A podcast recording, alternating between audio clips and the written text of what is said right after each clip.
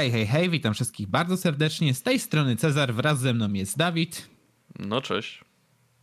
No i witamy was w kolejnym epizodzie naszego podcastu. Pogadajmy sobie. No cóż, nie ma co kryć, trochę czasu minęło od ostatniego razu, jak nagrywaliśmy, bo to była ta przerwa świąteczna, ale powracamy z nową siłą, z nową masą pytań, patroni się, czyli zaniedbani i z całą masą maili, także tak, będzie dzisiaj na co odpowiadać, ale będzie też o czym pogadać, e, jeżeli chodzi o newsy. No i skoro już przedłużyłem na wstępie, to nie przedłużajmy dalej i przejdźmy może od razu do pytań od naszych patronów. I trzy pytania dzisiaj padają ze strony Borsuka. Mhm. Pierwsze. Czy gdyby Justyna Klimasara wraz z towarzyszem Michałem przeprowadzili krwawą rewolucję na lewicy, to czy ta partia miałaby szansę wejść do Sejmu z wyższym wynikiem niż przy ostatnich wyborach? Nie. Nie, nie, zdecydowanie nie. znaczy, tak poważnie do tego podchodząc, y, towarzysz Michał i jego retoryka dotycząca tego, że nie, komunizm był w sumie dobry i humodoru nie było, połączony z Justyną Klimsarą i jej takim wybiórczym, ja to nazywam taki wybiórcza lewicowość. Tak. Ona jest kawiorowa wręcz. O, kawiorowa też jest ładne określenie, dokładnie. Ona jest taka bardzo wybiórcza, jak chodzi o kwestie mm, walki o to lepsze socjalistyczne jutro. To znaczy, no tak, tak, ja y- walczę za robotników, ale y, typie, ty się do mnie nie odzywaj w ten sposób. Rozmawiasz ze studentką prawa, nie z jakąś kurna robolką, tak? Ja mam iść do pracy? Co, kurwa? Ja, już nie zapomnę nawet, jak się na Twitterze chwaliła, że ochieju, gotowałam. Wszyscy morsowali, Klimasara gotowała. Ach, te biedne uciskane kobiety w kuchni, nie? To jest tak straszne gotowanie na co dzień. Och nie. Pomimo, e, pomimo stanowienia e, połowy populacji, e, kobiety odpowiadają za 90% komentarzy o tym, że kuchnia nie woli. mm, ogólnie to. Mm, Ogólnie to powiem jednak szczerze, że to nie dość, że ta partia miałaby prawdopodobnie niższą efektywność wyborczą niż e, razemki obecne, które przecież są postrzegane przez społeczeństwo jako względnie radykalni, to jeszcze dodatkowo no odczuwam takie wrażenie przynajmniej, że e, przynajmniej byłaby jeszcze większa beka w tej naszej sferze politycznej. Myślę, że oni by się rozpali, zanim by doszło do jakichkolwiek wyborów.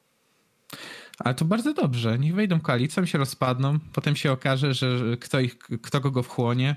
I wtedy to my będziemy się śmiali, że lewica e, ten, e, rozwija się poprzez podział. Ej, może to właśnie to, to chodzi. W sensie prawicowe ugrupowania w naszym kraju zawsze miały ten problem, że się łatwo dzieliły, nie? No. E, może to chodzi kwestia przywódców, którzy się pojawiają. Jak są tacy, że, że się żrą ideologicznie bardziej, to, to się to rozpada. Jak są tacy, tacy no może nie aż tacy, że tak powiem, zauważalni. Może jak nie są aż tacy, tacy jaskrawi, jak chodzi o poglądy, tylko bardziej myślą o tym, że dobra polityka to jest trochę zawód i trzeba się w tym utrzymać, to może przez to ta prawica się tak rozpada, a lewica tak, tak trzyma się razem, bo rozumiem, że w tym jest pewien interes, że to jest zawód. Kto wie? Dobrze. Ale drugie pytanie od Borsuka, już trochę bardziej poważnie. Czy Polska jest krajem hoplofobicznym? Hmm. Myślę, że częściowo tak. Jakby my nie mamy ja żadnej no? kultury broni tak naprawdę, oprócz jakichś tak. ludzi, którzy to trenują sportowo. E, ja na przykład, no, mamy 25 lat, ja nigdy w życiu nie strzelałem, nawet z wiatrówki chyba. Ja pochodzę z rodziny, gdzie ojciec policjant, tak, e, dziadki nauczeni byli strzelać, moja mama strzelała, ja nie. Nawet moja babcia, jak była w szkole w podstawówce, to mieli tam e, przysposobienie obrony i mieli zajęcia na tak. strzelnicę. To samo, to samo było u mnie w no, rodzinnym mieście. A ja, ja nie miałem okazji jeszcze strzelać. Mam nadzieję, że jak minie pandemia, to brzydki burak zacznie organizować taktyczne leżakowania e, dla nowicjuszy i, i, wtedy bardzo chętnie się wybiorę w jakiejś nawet większej ekipie, bo jest tanio, dużo strzelasz i dużo żeresz dobrego jedzenia, to znaczy takiego spoko typu grille więc, y, więc jak najbardziej warto. Grill kusi, ale dieta trzyma. No ale tak, zakładamy, że pandemia minie w ciągu dwóch tygodni, czy jeszcze z rok wytrzymamy pewnie w tym. Także, także wtedy może się już nawet będę w stanie przejść. Natomiast yy, co chciałem jeszcze powiedzieć, to y, moim zdaniem też troszeczkę ta postawa hoplofobiczna wynika na kogo spojrzymy, bo określone środowiska są bardziej lub są albo hoplofobiczne, albo nie, takie pro wręcz broń, no powiedzmy konfederaci, mocno pro broń, e, hoflofobiczni mocno są lewicowcy, a większość partii centrowych mam wrażenie, że unika tego tematu, bo wiedzą, że jest emocjonalny i ciężko go pociągnąć. W sensie PiS nie chciałby raczej zbroić Polaków, ale nie powiedziałbym, że jest hoflofobiczny, bo po prostu omija ten temat. PO czy KO w ogóle cały ten blog już trochę bardziej. Ogólnie to chyba kwestia tego, kto jest bardziej autorytarny, a kto jest e, bardziej liberalny na kompasie, tak? Znaczy to też jest kwestia tego, że jak, jeśli ktokolwiek chce zacząć dyskusję w temacie posiadania broni, to za chwilę wyskakuje ktoś z krzaków z argumentem, że o, to za chwilę będą strzelaniny jak w Ameryce. I, I, wszyscy będą się strzelać. Za chwilę ludzie zamiast wejść do sklepu chcąc go obrabować, będą y, wpadali z bronią. Gdzie chciałbym przypomnieć, że ci ludzie, którzy w Ameryce obrabiają sklepy i, i, są w gangach, to, to mają broń z nielegalnego obrotu, nie, nie z tych sklepów, gdzie wchodzisz, podak, pokazujesz dowód i masz broń, bo wtedy ta broń ma normalne znaczenia i amunicja do niej też ma normalne znaczenia, więc y, gdy dojdzie do jakiegoś incydentu, do da się w miarę określić skąd ta broń pochodziła i w efekcie to nie jest takie hop Nie wątpię, żebyśmy mieli od razu strzelaniny w Polsce? Taki sprzedawca od razu by stracił licencję w ogóle, ale tak. E, znaczy no tak, to jest, to jest prawda poza Florydą, ale Floryda to jest inny stan umysłu. No tak, i jeszcze poza tym większość Polaków nawet jakby miała nagle dostęp do broni, to nie miałaby jej używać, więc musieliby przychodzić jakieś przeszkolenia, więc to, to też nie jest takie hop e, I rzecz kolejna, ja chciałbym przypomnieć, że w Polsce czarnoprochowce tak zwane to są broni całkowicie bezpozwoleniowe, można sobie kupić bez najmniejszego problemu. I jakby się ktoś bardzo uparł, to może tą bronią zabić, a mimo wszystko raczej nie słyszymy o takich incydentach w Polsce. Bardzo uparty, myślę, że nawet nie mocno uparty. Jak do kogoś strzelisz czarnoprochowca, to jest duża szansa, że go zabijesz. Znaczy, ale... mam na myśli to, że same pakowanie naboi do czarnoprochowca jest rzeczą A, trochę no... uciążliwą, więc trzeba się trochę narobić, tak. żeby taką broń załadować i A, musisz to, to, naprawdę rozumiem, mieć rozumiem. silne motywacje, żeby chcieć kogoś się ubić, nie? Mhm, jasne. Ale właśnie co ciekawe, ten argument czarnoprochowców jest bardzo często, właśnie chciałem przywołać, podawany w zachodnich, przez zachodnich youtuberów. Jeżeli ktoś rozmawia o broni, to naprawdę, tak w 70% tych materiałów pada argument. Jest taki kraj w Europie, co się Polska nazywa, i tam zalegalizowano całkowicie broń czarnoprochową i nikt jakoś nie ginie z tego powodu. W związku z tym, dlaczego u nas nie wprowadzić rozsądnego, ale bardziej liberalnego prawa posiadania broni? To jest naprawdę powszechny argument. Dokładnie tak. Był jakiś jeden incydent w Polsce z tą bronią czarnoprochową, że ktoś chyba kogoś postrzelił, ale ja słyszałem chyba o jednym takim incydencie, max dwóch. Wiadomo, mhm. E, za przeproszeniem pojeby zdarzą się wszędzie, niezależnie czy jest broń, mhm. czy nie, bo jak ktoś będzie chciał kogoś zabić, to e, zabije. Nawet w moim rodzinnym mieście był taki przypadek gościa, który był pieprznięty na głowę i baseballem zatłukł swojego ojca, więc jakby nie trzeba koniecznie mieć broni palnej, może mieć jakąkolwiek. E, a to już nie są szalone lata 90., gdzie gangsterzy latali ze spluwami w Polsce rzeczywiście, tylko już mamy trochę spokojniejsze czasy, więc przede wszystkim trzeba by w Polsce zacząć wprowadzać kulturę broni, trochę też do popkultury, może nie popkultury, ale do takich mediów codziennych, z którymi mamy użytek, Właśnie. też wprowadzać pojęcia związane z bronią, jak się z nią obchodzić, jak jej używać, dlaczego i do czego ma służyć broń. Tak jak y, na przykład w telewizji polskiej, jak mieliśmy przystępować do Unii, to mieliśmy te programy typu Europa da się lubić właśnie po to, żebyśmy wiedzieli częścią czego się stajemy i jak się to je, że tak to ujmę. No i coś podobnego musiałby po prostu nastąpić z kulturą broni w Polsce. Zwłaszcza, że chyba z tego co kojarzę, chyba jesteśmy najbardziej rozbrojonym chyba krajem w Europie. Że najmniejsza ilość broni na mhm. E, mieszkańca przypada? Chyba Bardzo tak. możliwe. Chyba z tak. Z tego ale... co kojarzę, my albo jesteśmy w ogonie, albo na samym końcu, ale nie jestem tego pewny, trzeba by to sprawdzić. E, tak czy inaczej, e, jeszcze zaznaczyłeś taką jedną istotną rzecz, to znaczy mm, kwestię związaną z mediami. Bo powiem ci szczerze, jak zobaczyłem to pytanie, mm, to sobie przyjrzałem szybko newsy na temat powiedzmy ewentualnej hoplofobii i, i dostępu do broni. Mhm. Broń w mediach jest przedstawiana raczej oschle, delikatnie rzecz ujmując. To znaczy raczej media w Polsce budują antykulturę broni, znaczy coś przeciwnego, nie? Niechętną broni, więc napędzają moim zdaniem jeszcze pewne fobie, więc moim zdaniem media przyczyniają się do rozrostu hoflofobii, hoflofobii w naszym kraju um, i raczej oddalają nas od takiego ideału bardziej liberalnego dostępu do broni, jeżeli ktoś ku czemuś takiemu dąży, nie? E, więc... No tak, poza tym weźmy też pod uwagę, że jeśli temat w mediach takich, powiedzmy tych szeroko pojętych, występuje temat broni, to jakoś nigdy nie zaprasza się specjalistów od używania broni i jakichś osób związanych z, z środowiskami, które broni nadsportowo używają na przykład. I pod tym kątem to też powoduje, że, że ta dyskusja jakoś nie wrze w ogóle na ten temat, tylko właśnie jest tak oschła. Hmm.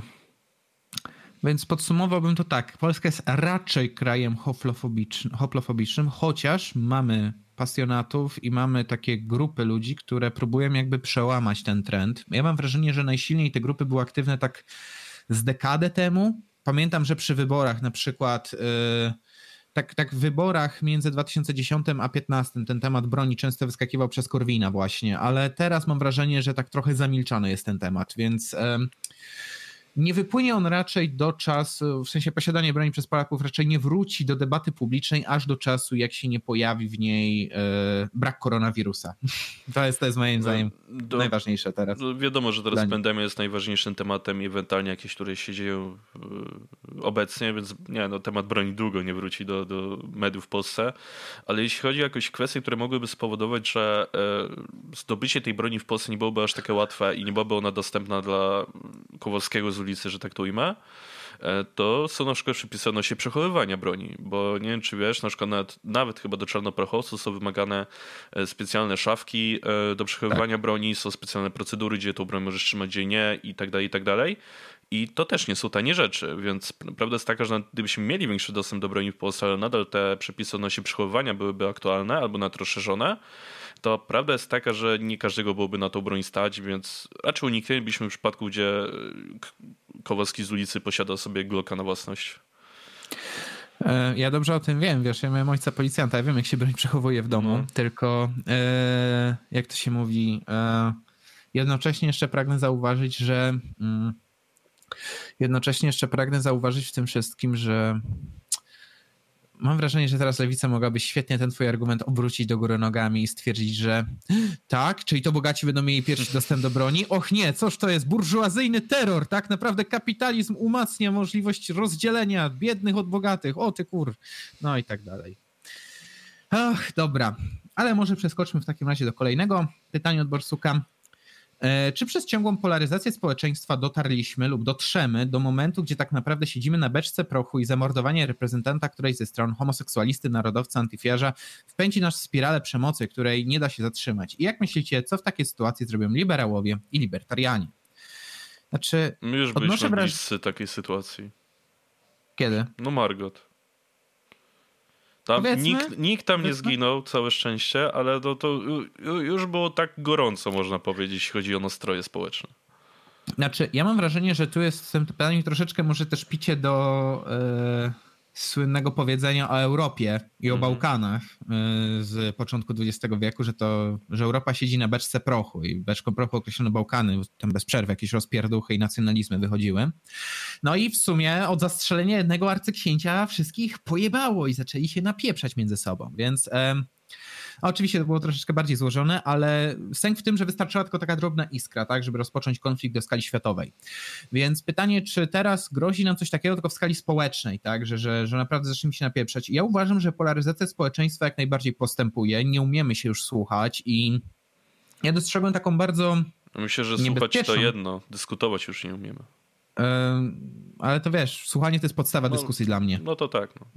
E, ja dostrzegam taki jeden bardzo niepokojący trend. E, ostatnio sobie na Discordzie robiliśmy oglądanie różnych debat, tak? Mhm. Oglądaliśmy tą Balcerowicza, dzisiaj jeszcze będziemy oglądali, znaczy dzisiaj, jak oglądacie, to to już jest wczoraj, debaty z Szumlewiczem. I powiem tak, Balcerowicza ja nawet chciałem zobaczyć, chciałem zobaczyć, jak będzie odpierał różne argumenty dotyczące dotyczące jego planu, dotyczące jego pokłosia, dotyczące tego, jak tam uczestniczył w rządach i co w nich robił w, tam w późniejszym czasie, nie? I Ja naprawdę chciałem coś wynieść z tej debaty, ale większość miała takie o, co ten lewicowy powiedział. To jest takie chleb i igrzyska dla ludu. Tak. W sensie to już nie jest y, miejsce, gdzie można się czegoś dowiedzieć, albo z czymś polemizować, albo zderzyć jakieś poglądy. Nie, to jest zabawa. I nie ukrywam, oglądanie dzisiaj Szumlewicza dla większości członków naszego Discorda to będzie zabawa. Oczywiście, tak? dla mnie to byłoby zabawa. No, Szumlewicz, proszę cię. No tak, tylko ja nie mówię, że czasami nie można sobie pozwolić na taką przyjemność. No oczywiście, tylko mieć te granice i oglądać to, co faktycznie coś wnosi do naszego życia. To już nie ma tego odruchu, moim zdaniem, wśród nas. I um, tak, przez to moim zdaniem debata jest uniemożliwiona, coraz większa polaryzacja następuje i jeszcze dodałbym, że coraz bardziej mm, takie nastroje, tendencje plemienne się wśród nas nasilają. Mm, jesteśmy społeczeństwem, które może nie jest jeszcze tak spolaryzowane jak amerykańskie, gdzie jeszcze takie, wiesz, system dwupartyjny to tak maksymalizuje, ale i tak już się tworzą takie obozy. W sensie w bardziej centrystycznej sferze naszej gospodarki to przecież pisowcy są gotowi do gardeł się rzucić kaowcom, a niektórzy kaowcy też potrafią naprawdę rzeczy odpieprzyć wobec pisowców. To jest takie już plemienne zdziedzienie, można powiedzieć. Ja myślę, że u nas wbrew pozorom podział prawo-lewo jest bardzo silny, niemal duopolowy, tak jak w Ameryce, tylko że u nas po lewo jest właśnie KO, PO, Lewica i te wszystkie jakieś tam kluby wokół, powiedzmy, że częściowo Hołownia, choć Hołownia, Hołownię chyba nikt nie obchodzi. E, a po prawo no. mamy właśnie PiS i Konfederację głównie. Bo jak się posłucha Lewaków, to dla nich PiS i Konfederacja to jest jedno i to samo praktycznie. Znaczy, jeżeli chodzi o mówienie o takich obozach polaryzacji, to tak, coś w no. tym jest. Ja nie mówię, że nie. Natomiast są pewne różnice światopoglądowe między tymi partiami i to jest właśnie smutne, że ludzie przestali je dostrzegać, tylko mm. o, konfa PiS to samo, albo KO Lewica to to samo. Nie, to nie jest to samo do jasnej cholery. I nie, nie umiemy też tak umieć tak spojrzeć krytycznie czasami na kwestie typu dobra, jestem wolnościowcem, ale może ta lewica ma coś do powiedzenia, czego warto wysłuchać. Przykładowo, ja mogę krytykować na wielu polach lewicowców, ale jak śpiewak yy, opowiadał o patu deweloperce w, w, w e, Warszawie, to powiem szczerze, ja dowiedziałem się tam później, że on pewnymi danymi manipulował, ale w rzeczywistości pokazał naprawdę taki obrzydliwy efekt yy, takiej takiego etatyzmu, bym powiedział, w stolicy. Nie? Znaczy, że przez władzę można sobie załatwić coś po prostu wygodniej, obchodząc procedury. To samo mógłbym powiedzieć na przykład o, nie wiem, niektórych przynajmniej pomysłach, bo, bo powiem szczerze, ja się na przykład mocno zgadzam z lewicą z pomysłem, że więcej, większy procent PKB powinien być wydawany na służbę zdrowia, żeby ją jakkolwiek odratować, jeżeli mamy ją zachowywać w formie powiedzmy państwowej, nawet po części. Tylko wtedy wiadomo, zabrać z tego, co rozdajemy społecznie. To już mi się bardzo nie podoba, ale uważam, że podnoszą bardzo istotny argument dotyczący tego, że nasza służba zdrowia leży. Bo to no, prawda. leży, to prawda. Nasza władza nie interesowała się służbą zdrowia od bardzo dawna. Jak były protesty lekarzy, to to zlewali ciepłym moczem. No i w tej chwili mamy co mamy. Brakuje nagle lekarza, jesteśmy w środku pandemii, nie? I jeszcze mówi się o tym, że ta pandemia to jest tak naprawdę pierwsza kostka domina, bo już się słyszy o tym, jak wali się onkologia, a pytanie jeszcze, jakie inne działy medycyny specjalistycznej ucierpią tak naprawdę w najbliższych latach, a pieniędzy nie wyczarujemy z nieba. A jak ktoś powie mi o drukowaniu, to przysięgam, urwę przy samej dupie. Chciałem powiedzieć, że za chwilę przyjdzie Julka z Twittera i krzyknie, przecież możemy dodrukować. Tak. Y, y, y, wiesz co, Julko, możesz zrobić? Odsłuchać ważną wiadomość.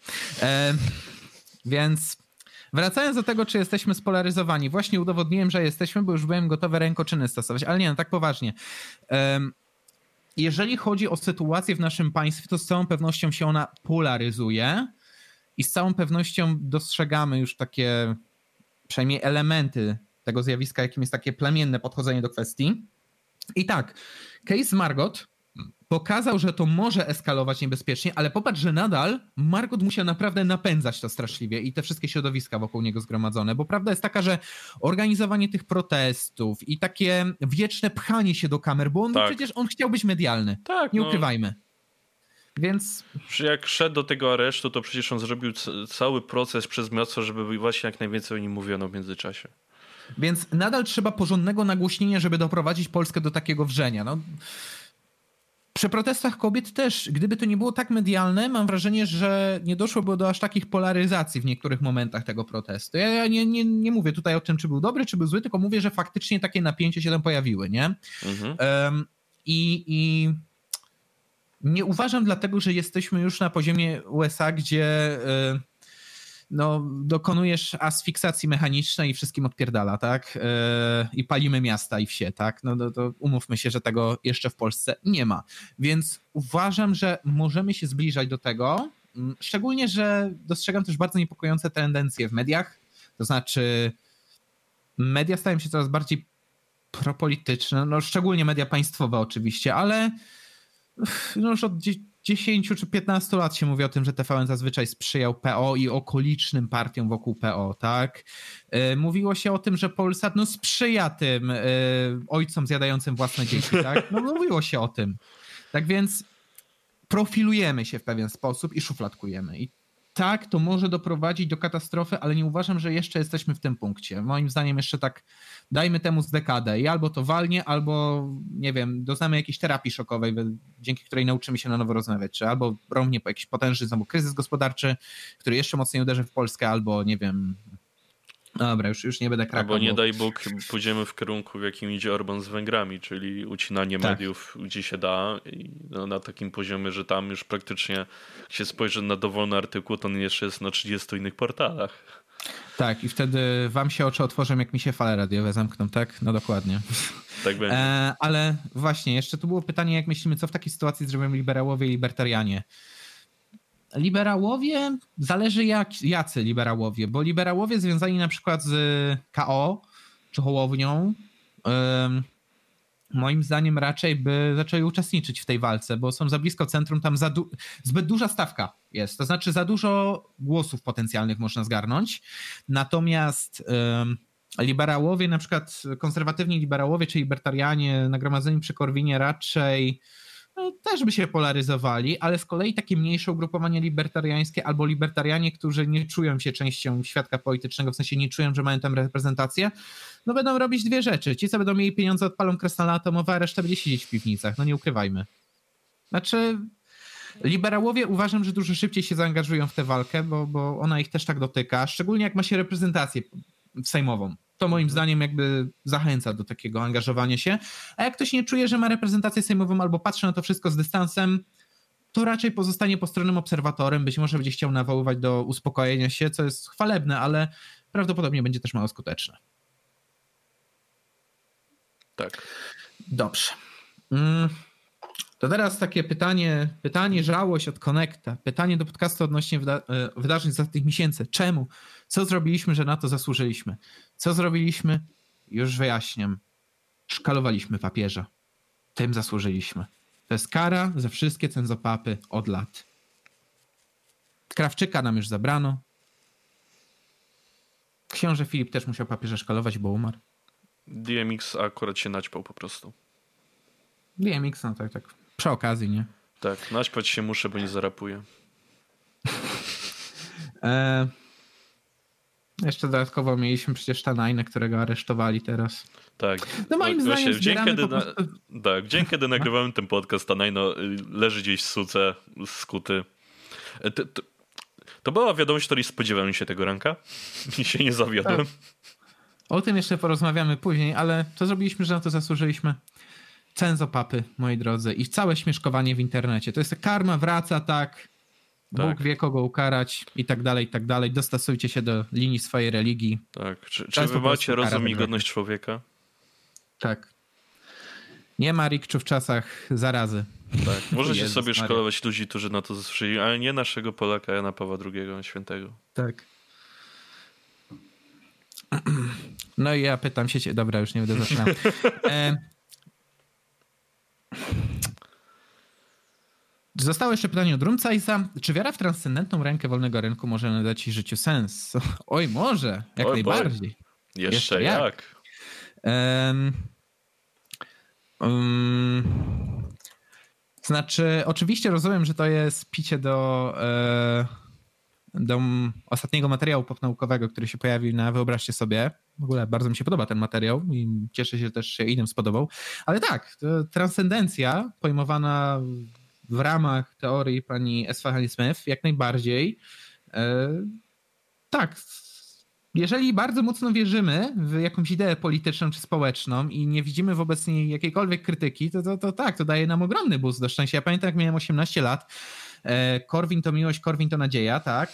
I tak, takie tam sprawy to jasne, ja przecież ja nie odczułem, ja, ja, tylko, ja tylko chciałem wstawać, masakrować lewaków i, i było fajnie, było przyjemnie, dzień mijał po prostu, mm, tak. A potem, kurde, zacząłem dorastać, uczyć się ekonomii, rozumieć, jak bardzo skomplikowany jest świat, zacząć trochę wysłuchi, wy, wy, wyrywać się z własnej bańki informacyjnej, wysłuchiwać, co ma do powiedzenia jedna strona, co ma do powiedzenia druga strona, co ma do powiedzenia trzecia strona i 50 jeszcze innych i nagle przekonałem się, że kurna, budzę się i znowu w tej Polsce, kurwa. Tak. I w pewnym momencie sobie uświadomisz, ale ten Korwin pierdoli. Tak, w sensie ja mogę tam docenić pewne... Yy, Zaklęcia. Imby? Zaklęcia, tak. Ja mogę czasami docenić, yy, nie mogę powiedzieć, że on czasami nie powie czegoś inteligentnego, tylko on to nie umie tego jakby przekazać ludziom, a on, uważam, on ubiera że... to w takie słowa, że każdy tak, rozumie tak. coś innego niż powinien. Jest, panie Januszu, nie!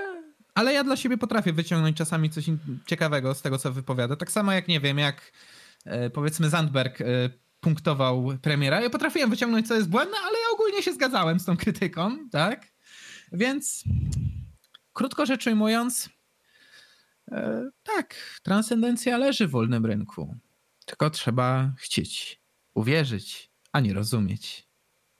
Dlatego transcendencji mimo wszystko szukałbym w pasach, przy, przy, których tam nie musimy się jakoś mocno zastanawiać, co jest co, tylko po prostu coś robimy i nam daje frajdę. Tak? Wolny rynek to jest jednak takie pole do już debat i starć, więc to może być nieco zawodne. I to tyle, jeżeli chodzi o pytanie od naszych patronów. Pięknie za nie dziękujemy. No i cóż, e, przechodzimy do maili i oh boy. Oh boy. No, Jeden z naszych jeden z naszych najbardziej aktywnych członków Discorda, szanowny pan Torsan, e, wysłał nam bardzo długą swoją rozkminę, więc e, zasiądźmy do jej przeczytania i odniesienia się. Mail brzmi tak. Witam. Od razu ostrzegam, że będzie to dość długie, ale i trochę związane z obecnymi świętami. No, już byłymi wielkanocnymi. Ostatnimi czasy obserwując narastające podziały społeczne oraz coraz większą polaryzację, zadałem sobie pytanie, czy popkultura nie przyczyniła się częściowo do tego, że wielu ludzi nie widzi nic złego w życzeniu jak najgorzej swojemu największemu wrogowi. Mówi się, iż dzieła kultury, jakie pochłaniamy, mają wpływ na to, jak myślimy i jak postrzegamy świat. Możliwe więc, że jak zobrazowane są pewne motywy w tych dziełach, mogło mieć wpływ na kształtowanie umysłu wielu ludzi. A chodzi tu o dość oklepany w dziełach science fiction i fantasy motyw czystego serca. Jak wiadomo, jest to motyw, gdzie bohater otrzymuje jakieś nadzwyczajne, nadzwyczajne moce lub umiejętności, dzięki czemu em, dzięki temu, że posiada czyste serce. Lecz często motyw ten nie oznacza wcale, że bohater jest awatarem dobra, ale interpretowane jest jako wiara w bohatera w to, że jego motywy i działania są dobre, bez względu na ich skutki. Dla przykładu przyjmijmy, przyjrzyjmy się paru popularnym dziełom, których ten motyw można zauważyć. Na początku Dragon Ball. W tej serii główny bohater może odblokować transformację w tak, tak zwanego Super Saiyanina, zwiększającą jego moc. Jednakże w najnowszej serii pojawił się antagonista, który również posiadł tę zdolność. Nie będę spoilerował jaki. Problem jest jednak w tym, iż ten antagonista jest dosłownie Thanosem na sterydach, gdyż postawił sobie za cel wymordowania wszystkich śmiertelników w całym multiversum, ponieważ są oni według niego wielkim zagrożeniem i przez to niegodni by żyć. W ramach dążenia do tego celu ów antagonista był gotów również zamordować wszystkich bogów, aby ci nie mogli go powstrzymać. Po dokonaniu tych wszystkich czystek, bo był nadal w stanie użyć umiejętności, do którego wymagane było czyste serce, ponieważ najwyraźniej tak bardzo wierzył w słuszność swojej misji, że to wystarczyło. A jak już wspomnieliśmy o Mosznobrodym, postać Thanosa. Przez wielu uważana za jednego z najlepszych czarnych charakterów w kinie superbohaterskim. Wszyscy znamy ten plan, zebranie sześciu potężnych kamyków w celu wymazania połowy populacji całego kosmosu w ramach powstrzymania przeolnienia i nadmiernego eksploatowania zasobów naturalnych. Thanos jest przedstawiony jako osoba, która święcie wierzy w słuszność swojej misji i jest on w stanie zrobić wszystko, by ją wykonać.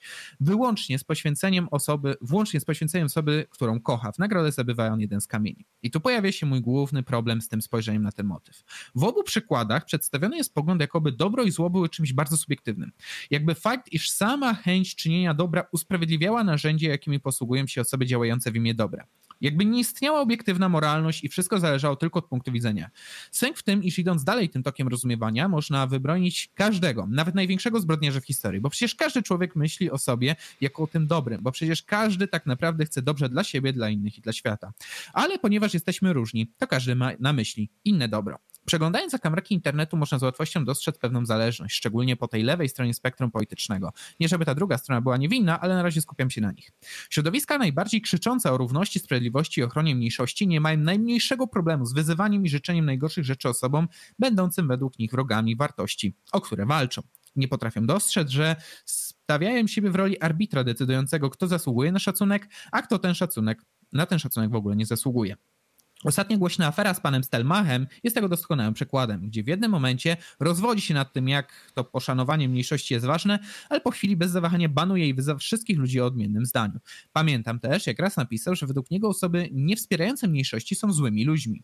Ale jak widać, ubliżanie ludziom z grupy, której się nie lubi, jest już w porządku. Osobiście wolę zakładać, iż istnieje obiektywne dobro, jeżeli nawet nie umiem go jednocześnie wskazać, niż żyć w świecie, gdzie o dobru i złu decyduje obecny układ sił w społeczeństwie, bo tak naprawdę czym się różnimy od tych, którzy życzą nam źle, jeśli sami im to życzymy, a darzymy szacunkiem tych, którzy nas szanują. Przecież i nasi wrogowie szanują tych, którzy szanują ich, a gardzą tymi, którzy gardzą nimi.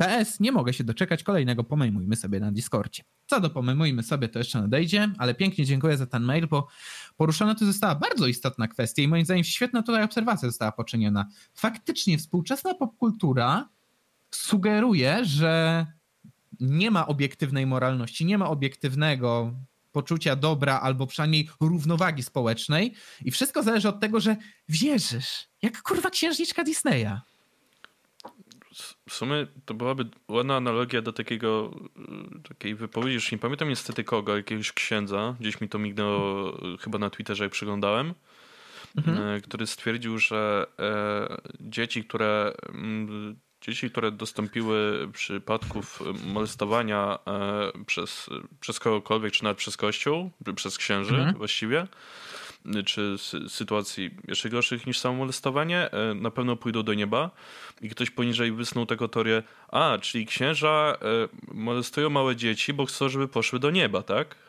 Czyli tak naprawdę robią to w dobrym celu. Bo w sumie tak można by to wyciągnąć z takiej wypowiedzi, nie? Tak to można by to zinterpretować. Nie mówię, że nie, to, to jest taki trochę chwyderystyczny, ale no, gru, grubo, ale... Um... Na zasadzie ja nie martwcie się o te dzieciony już pójdą do nieba, to już jest sklepnięte. W ogóle to znaczy... sama wypowiedź była absurdalna, nie?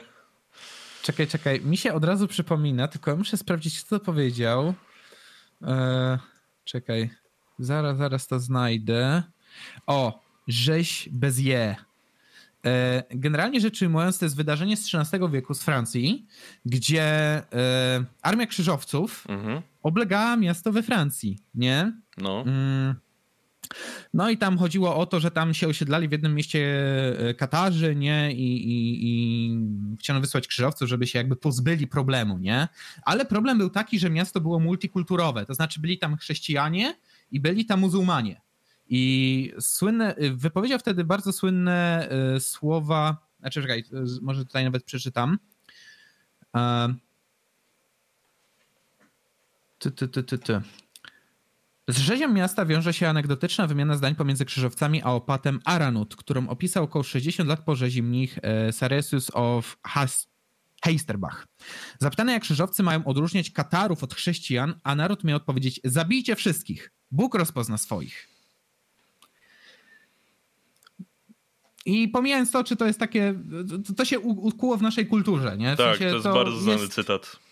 Tak, jest, jest to taka polemika wokół tego, czy to faktycznie padło, ale to jakby idealnie oddaje to, o czym teraz rozmawiamy. Tak, raz była, e... pamiętam, wielka noc banowania na jebawce i było banować wszystkich, wolny rynek rozpozna swoich. ale taki totalizm podejściu do tych kwestii, połączony z właśnie takim przeświadczeniem o tym, że dobro moralne jest tylko we mnie, jest absolutna katastrofa, bo w moich poszukiwaniach jakiejś równowagi w społeczeństwie, dlaczego ja ostatecznie przybyłem do tej przystani zwanej libertarianizmem? Bo libertarianizm nigdy nie narzucał nikomu, jak ma konkretnie żyć, tylko jakich zasad przestrzegać, żebyśmy się nawzajem nie porozpieprzali. Dokładnie. Co jest moim zdaniem kluczowe, żeby istniało społeczeństwo, ale jednocześnie, jeżeli udałoby się stworzyć społeczeństwo bazujące tylko na tych słynnych aksjomatach, jeżeli chodzi o prawo, to naprawdę każdy żyje po swojemu i jest święty spokój. Znaczy no, dla jednostki to jest najlepsze, dla znaczy, państwa niekoniecznie. No nie? tak, tak. No, libertarianizm ma jedną bardzo prostą zasadę, żyj i daj żyć innym i tyle. Więc dla libertarianina, jak tak obserwuję te takie utarczki społeczne, tak, to tak no nie dość, że to może tak krzywić twarz, nie? No bo obserwujesz i widzisz, że ludzie się po prostu zażynają ze sobą o, nie rozumiejąc jakby postawy tej drugiej strony, bo ja nie mówię, czasami potrafi człowiek się złapać w kleszcze swoich intuicji moralnych, ale z drugiej strony jak obserwuję coś z boku, przy czym nie ma wyrobionej opinii często, to dużo łatwiej jest mu powiedzieć, no dobra, ale ci mają takie racje, ci mają takie racje, to, to dla, dla, dlaczego nie umiecie się wysłuchać nawzajem, nie? I tak to by mogło wynikać z tego, że popkultura karmi nas takim przekonaniem, że ty jesteś taki dobry sam z siebie, to, to robisz na pewno wszystko dobrze. I szczerze, pochwaliłbym tutaj takie jedno dzieło kulturowe, które świetnie wykorzystało ten motyw, a następnie go totalnie odwróciło. E, Star Wars. Mhm. Bo w Star Warsach, mm, już pomijając interpretację Grzegorza Brauna o tym, że Joda był Żydem, tak? Ale prawda jest taka, że Jedi dokonywali pewnych aktów, dlatego że byli przekonani, że te akty będą słuszne. I tutaj chodzi głównie o to, co majstrowali przy okazji e, Galaktycznego Senatu i o tych takich zakulisowych zagrywkach, tak, że tam jedni działali, znaczy, że, że pewne niemoralności w działaniach e, Rady Jedi powodowały, że na przykład e, hrabia Duku na przykład stwierdził, że dobra, walić was w takim razie i został Sithem, tak, po tym jak stracił Qui-Gona, czy, czy, czy, czy dajmy na to takie, takie próby jakby przejścia ponad prawem i e, aresztowania Palpatina, co bezpośrednio przyczyniło się do zdrady Anakina, czy nawet sam Anakin jest tego świetnym przykładem, znaczy on czy służąc, on służąc Jedi był mocno zagubiony i nie odnalazł tam pomocy, służąc Palpatinowi też w sumie nie odnalazł pomocy później. No, w sumie znaczy, tak. To była dość tragiczna postać w tym sensie, ale e, licząc na to, że odnajdzie to, czego szuka i u tych, i u tych próbował realizować to, co będzie jakby ku, ku lepszemu dobru. Tak? W sensie wiem, że w legendach Star Wars potem jest bardzo dużo opisywane o tym, co, co już wtedy Darth Vader robił ku większemu dobru, chociaż nie każdy by podzielał tą opinię, ale w sumie dla Rady Jedi no też robił rzeczy, które no dobra, może z waszej perspektywy były ku lepszemu, ale z drugiej strony mogły się obić bardzo negatywnym echem. I Palpatine to idealnie wykorzystał. Więc szkoda, że ludzie nie wyciągają takich wniosków z tego, tylko o nie, on po prostu wierzył, on chciał dobrze i i niestety to napędza potem takie ruchy, bo no, właśnie tu Torsan tak zaznaczył, że te lewicowe ruchy, które najwięcej mówią o tolerancji, równości, potem e, do, dokonują tak naprawdę no, zbrodni i bardzo okropnych rzeczy, żeby to, wiesz, żeby jakby tą swoją krucjatę kontynuować, tak, bo, bo, bo ona jest ku, ku lepsz, wyższemu dobru. Zresztą dzisiaj pogadamy o jednej sprawie, która jakby to unaocznia jeszcze, ale kurwa, korwiniści? To, to samo. W, w imię wolnego rynku oni by byli gotowi stwierdzić tak?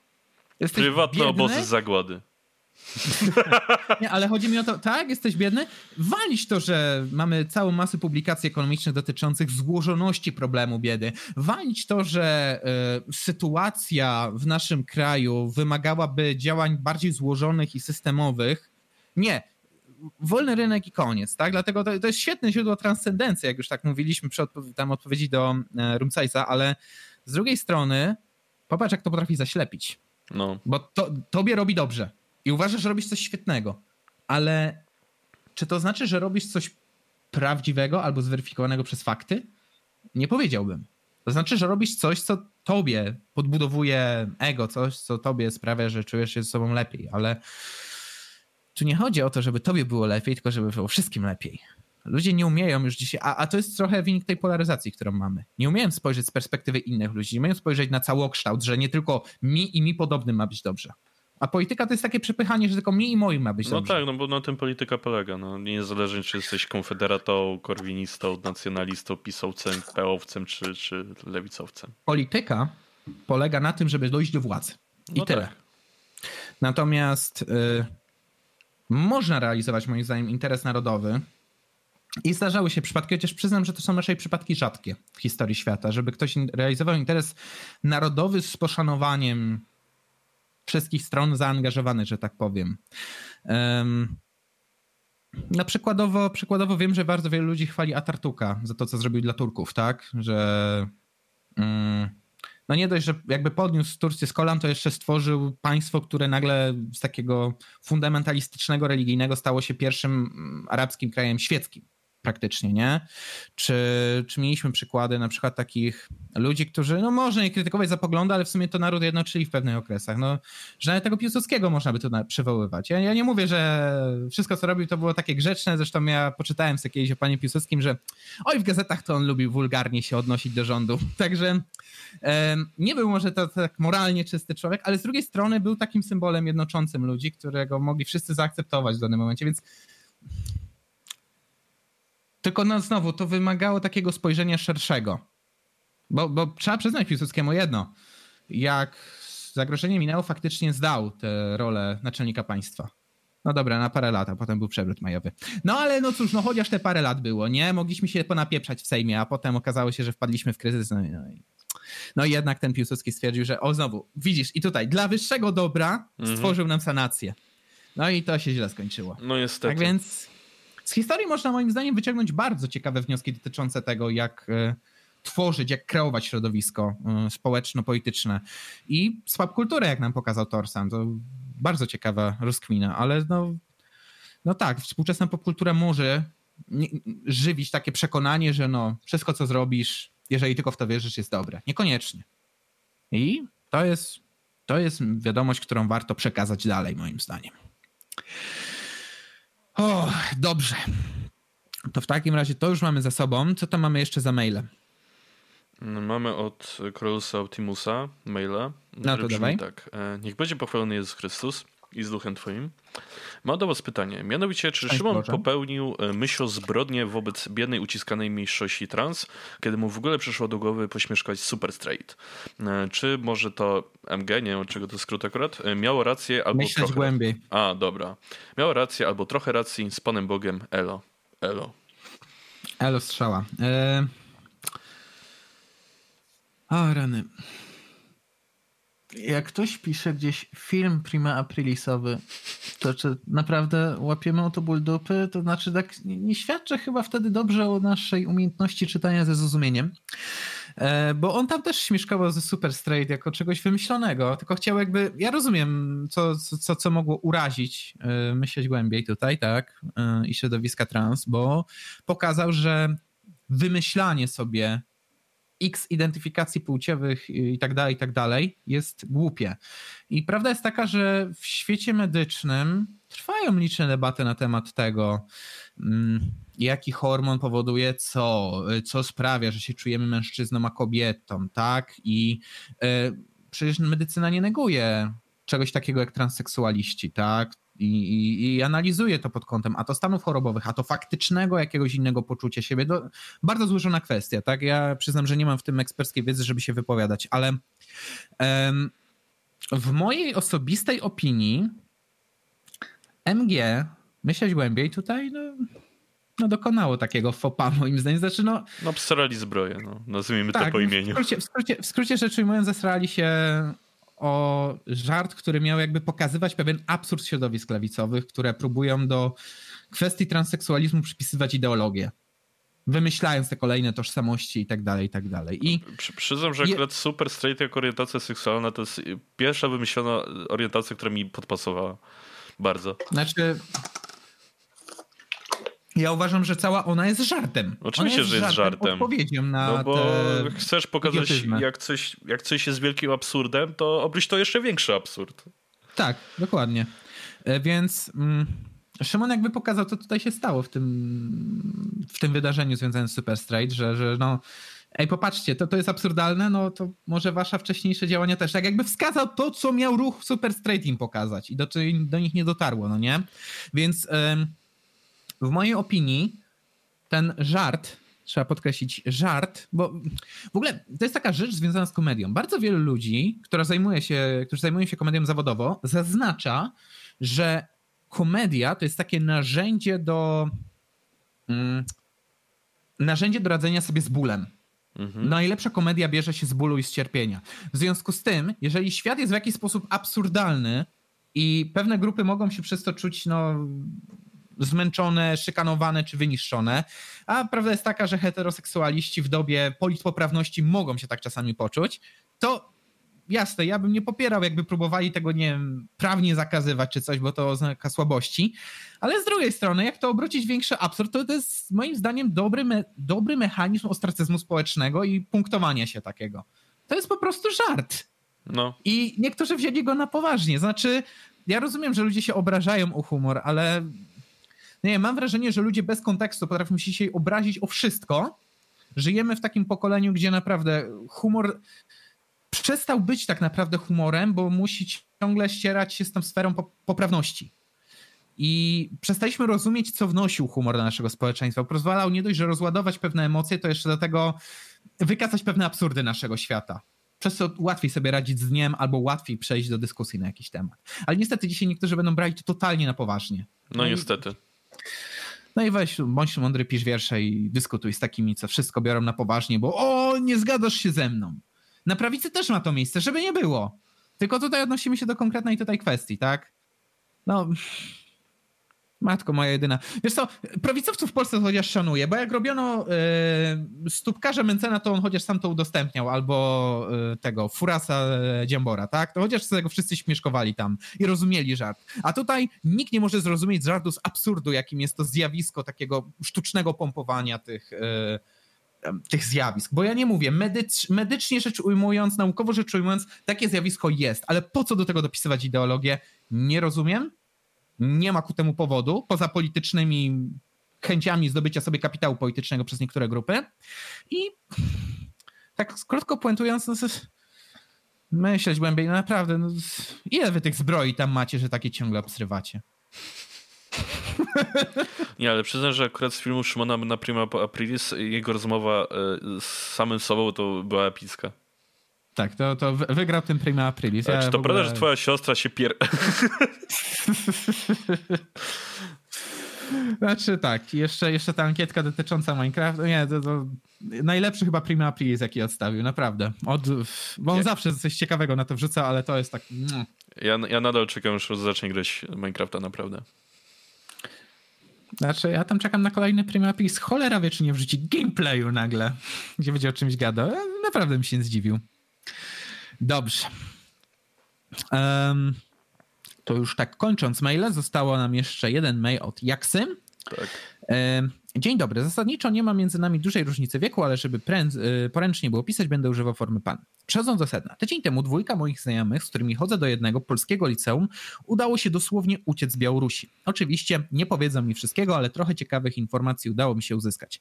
Łukaszenka wziął się ostro za tępienie osób mających polskie korzenie. Stanowią sporą część... Yy, yy, nie znam niestety. Do... sporą część, nie znam niestety dokładnych statystyk, dobra. E, bądź mających jakikolwiek związek z Polską, np. pobieranie nauki, pracy i tak dalej. Dodatkowo prezydent Białorusi zaczął ogłaszać, jakoby Polska chciała zająć Brześć i jeszcze drugie miasto. Prawdopodobnie chodzi o Kobryń. Przekroczenie granicy między Białorusią a Polską również, również zostało wzmocnione kordonem żołnierzy NATO. Przekroczenie granicy wydłużyło się do 72 godzin. Wymagane są trzy następujące po sobie testy na COVID. Mam nadzieję, że te informacje jakoś się panu przydadzą. Życzę powodzenia w tworzeniu materiałów uniżone subskrypcje. Bardzo dziękuję za maila, ale warto było tutaj to poruszyć, ponieważ e, taka ciekawostka, moja siostra studiowała też z jednym Białorusinem mhm. i podobne historie słyszałem. Właśnie gość mówił, że on tak z Białorusi raczej chciał spieprzyć, jak się tam zaczęło odpieprzać w ostatnie wakacje. E, I wspominał, że mm, właśnie jak ktoś ma powiązania z Polską, to ma naprawdę coraz gorzej na Białorusi. Mm, znaczy, generalnie to, dużo Białorusinów no? jak gdzieś spieprze, to przeważnie spieprzają do Polski. No tak, bo w Rosji no to tak naprawdę nie no czeka to samo. świat. No. Mhm. no a na Ukrainie jest bieda, więc Ale jest, chodzi mi jest o to, niewiele tam... lepiej niż u nich. Chodzi mi o to, żeby tak wskazać, że Białorusini wcale nas nie to, że nie lubią czy coś. Nie, nie, nie. Przeciętny Białorusin podobno na Polaków patrzy, no, no, no w sumie jak na takich, no, no jak my patrzymy powiedzmy na jakichś obcokrajowców u nas, no Czecha zobaczymy, no opatrz Czech. Aha, dostęp do morza. No to, tak, ale, no ale Białorusin też na nas patrzy normalnie przeciętne, tak? O to chodzi. A, a właśnie władza białoruska to jest inna para kaloszy, to jest coś odrębnego. To znaczy, jeżeli Białorusin ma powiązania, jakieś polskie korzenie powiązane z polskimi rodzinami, albo nie wiem, załóżmy właśnie studiuje w Polsce, u przerąbane ma z miejsca, bo władza zaczyna go prześladować. Zresztą niedawno była ta afera z prześladowaniem polskich szkół na Białorusi. To jest ewidentnie akcja państwowa, nie? No tak, tak. I kurczę, no nasz NFZ raczej się tak animozuje do tego. Ja, ja ich rozumiem, bo nie chcą ustępować Białorusi zwyczajnie, ale z drugiej strony mm, popatrz, że w dzisiejszym świecie nadal daje się wywołać, szczególnie w takich biedniejszych krajach, taką paranoję, przynajmniej wśród niektórych, przynajmniej w niektórych środowiskach, że o, patrzcie, ten kraj chce nam zabrać terytoria. Gdzie polska armia, XD, tak? No, przysięgam, no, jakbyśmy zaatakowali Białoruś, Białoruś jest, ma powiązania z Rosją, więc Rosja w to wchodzi, co wymagałoby prawdopodobnie reakcji NATO na wejście Rosji do tego konfliktu. To jest bez sensu. Straty byłyby tak ogromne, że Polsce to się w żaden sposób nie opłaci. Natomiast y, jeszcze mamy teraz tę sytuację napiętą w Donbasie, nie? To też pokazuje, że nikt nie chce tak naprawdę konfliktu, tam idzie bardziej walka o kwestie polityczne. No tak. W sensie tak. Putin chce mieć argumenty do negocjowania z Bidenem, a nie faktycznie rozpoczynać wojnę, bo on wie, jaki będzie tego koszt i że go nie poniesie. Albo inaczej, nawet jeśli uda mu się go trochę ponieść, to straty będą tak niepowodowane, że on ich przez pół wieku nie odbuduje. No Więc... dokładnie. Poza tym, nie, nie wiem po cholerę mielibyśmy zajmować Brześć i to drugie miasto. Byśmy mieli jeszcze bardziej biedne rejony niż Podlasie, które mamy obecnie w Polsce? Mm, poza tym, no. Znaczy, już pomijając kwestię takiej kalkulacji ekonomicznej w zajmowaniu tych terytoriów, bo straty byłyby niepowetowanie większe niż zyski z tego terytorium. E, jemu chodzi o to, że Polska ma teoretycznie uprawiać politykę historyczną. Dlatego właśnie jak tam ta nauczycielka y, w jednej ze szkół organizowała dni żołnierzy wyklętych, to mm -hmm. właśnie ją od razu usunięto. No tak? bo zrobiono od razu powiązanie z Burym, no, który tak, na Białorusi tak. robił bardzo chujowe rzeczy niestety. Tak, dokładnie, ale y, chodzi o zwalczanie polityki takiej, polskiej polityki historycznej, bo oni uważają, że nasz rząd prowadzi politykę historyczną, co nie jest prawdą, albo rob, inaczej, robi to w sposób tak niezdarny, że to nie może być skoordynowane i szczególnie nie skoordynowane przeciwko komuś. Nasza Więc... polityka historyczna to jest prucie się o reparacje z Niemiec, których nigdy nie dostaniemy, no i oczywiście nie prucie się o Lwów, bo, bo to byłoby jeszcze głupsze. Więc no ja nie uważam, że Polska teraz roz, jakieś roszczenia terytorialne wobec kogoś wysuwała, ale właśnie, no, białoruski reżim w ogóle nie patrzy na realia. Białoruski reżim, reżim chce jakby jak no, najmocniej usprawiedliwić, tak, jak najmocniej usprawiedliwić swoją władzę yy, i zaszczuć po prostu Białorusinów na nas. No, miło słyszeć, że oczywiście Białoruś ma jakiś tam kontakt z Europą i oni nie dają sobie tak po prostu w kaszę dmuchać, oni tam bardzo nienawidzą Łukaszenki, ale mam wrażenie w tej chwili, że póki Łukaszenka nie umrze, po prostu nie umrze, nie ma mowy o żadnej odwilży. Szczególnie jeżeli on teraz będzie tą demo, e, konstytucję białoruską zmieniał. No. By się do tego szykował. Znaczy, Więc... ja, ja nie zdziwię się, jak dojdzie do sytuacji, gdzie jeszcze więcej Białorusinów będzie się przenosić do takich krajów jak Polska i że tak jak mieliśmy falę Ukraińców, to za chwilę zacznie się fala Białorusinów. E, mhm. Ale z drugiej strony to też będą osoby, które będą chciały się asymilować i tutaj pracować, no bo jak ktoś im powie, że jak się nie zasymilują, to nie wrócisz na biedną Ukrainę, tylko wrócisz do, do swojej Białorusi, gdzie jest mega chujowo, to ci, ci ludzie będą chcieli się asymilować bardzo do polskiej kultury, coś czuję. Poza tym nie, nie mają aż takiej wielkiej przepaści, tak szczerze powiedziawszy. Tak. Naprawdę, no. Białorusini czy Ukraińcy bardzo łatwo się u nas asymilują i bardzo dobrze, bo nam brakuje rąk do pracy. To jest no, dla nas też Nawet stąd. basista zespołu Marcia Dama był ostatnio przez miesiąc we Wrocławiu w Polsce i tak jak patrzę na jego relacje na Instagramie, bardzo miło to wspominał. I sam wspominał, że nie wie, czy przypadków nie ma korzeni polskich, więc y, generalnie mam wrażenie, że ta kultura białoruska tak bardziej ciągnie w kierunku Europy niż w kierunku Rosji, zwłaszcza, że nawet, nawet jak była ta telewizja Belsat, y, która pokazywała właśnie te zespoły typu Monchedama, Nur, Nuremberg, to, to, to, oni mają dużo fanów w Europie bardziej niż, niż w Rosji chyba? Belsat Music, bo Belsat jest państwowa, A, pamiętaj okay. tam. To jest, to jest inna para kalosz. Chociaż i tak w Belsacie był też rozłam, bo e, przecież właśnie te dwie dziennikarki, które skazano tam za to, że niby nawoływały do protestów, one pracowały dla Belsatu, więc tam jest w ogóle postrana sytuacja z tym wszystkim. Tak, tak. Dobrze. No to teraz, skoro skończyliśmy maile, skończyliśmy pytanie od patronów, to pora przejść do newsów i oh boy, ja, ja muszę od tego zacząć. Balcerowicz musi wrócić. Ogłaszam wszemi wobec. Znaczy, niedawno z naszym serwerem Discordowym oglądaliśmy debatę na MyPolitics dotyczącą, e, znaczy tam młodzież kontra Balcerowicz.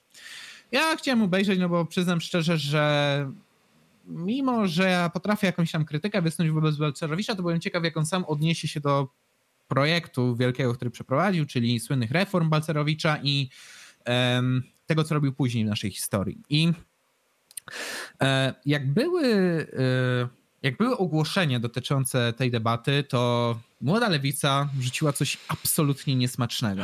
Otóż Młoda Lewica wrzuciła post już dzisiaj na stronie MyPolitics rzecznik prasowy Młodej Lewicy Wojciech Vincent Sawoniewicz skonf skonfrontuje Leszka B., Mengelego polskiej gospodarki odpowiedzialnego za hekatombę 1990 roku.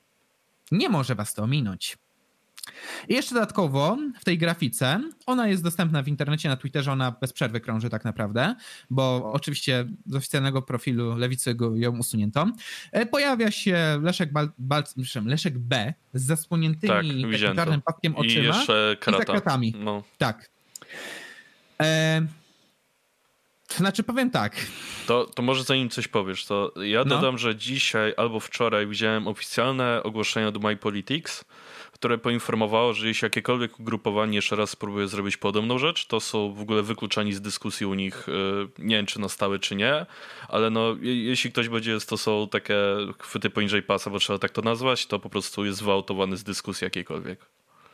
I moim zdaniem jest to przynajmniej no, jakieś działanie, w sensie no popatrz, że ci najbardziej tolerancyjni i równościowi będą jako pierwsi wykluczeni za mowę nienawiści. No popatrz pan, w jakich to ciekawych czasach żyjemy. Pa, ale patrz wracając... jaki to jest dziwny przypadek, że Gąciarz popierał Margota za to, że stosował chwyty nienawistne. No co za dziwny przypadek. Tak, ale kurna, to nie jest jeszcze właśnie jeszcze koniec. Yy, to nie jest jeszcze mhm. koniec całej sytuacji, bo widzisz... Yy, jako młoda lewica, jak się, kap, jak się tam chyba. Bo słyszałem, że to jeden admin rzucił, i ktoś inny się kapnął, debilu, coś ty kuźwa posłał, skasowali za chwilę tego posta i niby wysłali oficjalne przeprosiny i jeszcze była obietnica, że w czasie debaty e, padną przeprosiny w kierunku pana e, Balcerowicza. No cóż. Ja widziałem chyba fragment. Widziałeś ten początek debaty właśnie, czy nie? Sam początek nie, bo wtedy... Yy byłem w łazience, jakkolwiek śmiesznie to nie zabrzmi. A, ja okay. wpadłem do was na chwilę i byłem na tym fragmencie, gdzie e, Balcerowicza e, chyba właśnie albo ktoś z PiS, albo ktoś z Lewicy zapytał, czy czuje się odpowiedzialny za skutki jego reform. On odpowiedział na to, czy czuje się odpowiedzialny za to, że nie skończyliśmy jak Białoruś? Tak. I co było perfekcyjną odpowiedzią na te pytanie.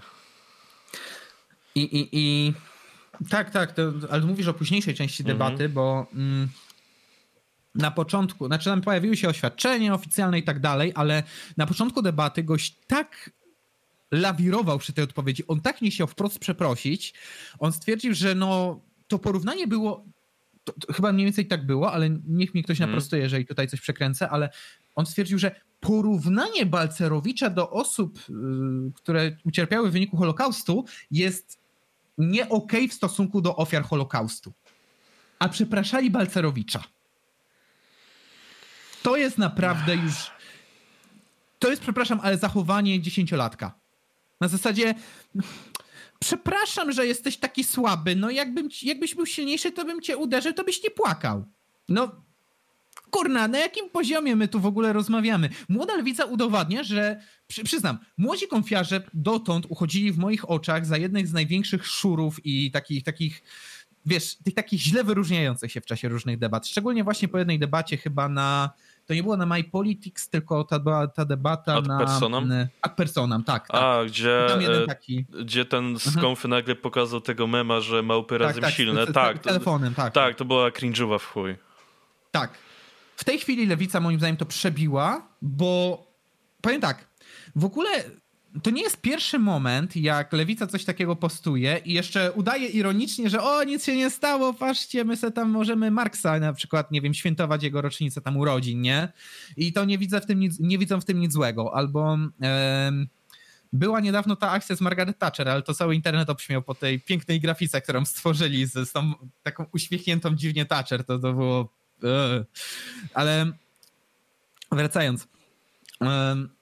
ja ogólnie bardzo złym wrażenie odebrałem na temat młodej lewicy po tej debacie, po sposobie, jakim się odnosił w ogóle do Balcerowicza. Nie dość, że zrzucał masę chochołów i nieprawd i dobrze, że tam Balcerowicz właśnie część z nich puentował, to jeszcze dodatkowo yy, chłopak jakby w ogóle nie słuchał.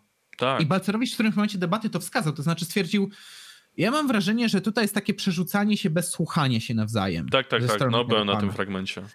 I właśnie, właśnie to i jeszcze pamiętam, że Balcerowicz już w którymś momencie stwierdził, że nie będzie się odnosił do wszystkiego, bo to nie ma sensu i fajnie, bo tam była masa chochołów rzucona, które nie warto tracić czasu, ale jeszcze dodatkowo właśnie, czy się czuje odpowiedzialny, to, to, to ten cytat, którym wspomniałeś i że tak, czuję się odpowiedzialny za to, że nie skończyliśmy jak Białoruś. Wow. Złoto. To lepiej się nie dało. No, z tego, to nie co była pan... masakracja, to było zrównanie z asfaltem. Tak, z tego co kojarzę chyba jeszcze do niego, już nie pamiętam o co, chyba się pruł ktoś z Federacji Młodych, czy tam Forum Młodych PiS, jeśli dobrze pamiętam. Co... Coś było.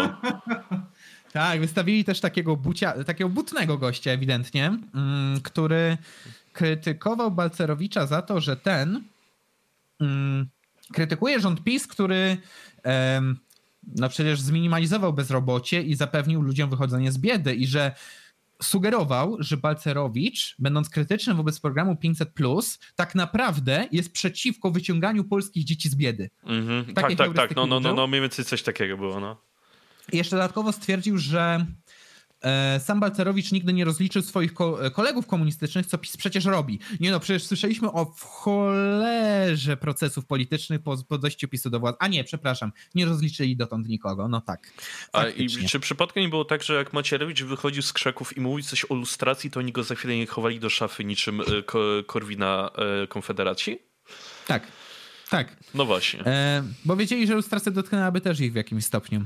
E, natomiast e, tak, ten, ten, ten, ten pisowiec też się tak odnosił i Balcerowicz moim zdaniem przetaczał takie suche fakty ekonomiczne. Na zasadzie, dobrze proszę pana, ale jak chce pan mi po, po, pierwsze, program 500 Plus nie mógł się sprawdzić jako, yy, bo wy to pamiętajcie, że reklamowaliście najpierw jako system umacnienie demografii. Mamy jeden z największych niżów demograficznych ostatnio. No właśnie. Potem reklamowaliście to jako mechanizm zwiększenia konsumpcjonizmu, co też padło, bo musiał w końcu nadejść kryzys, każda hossa się kończy.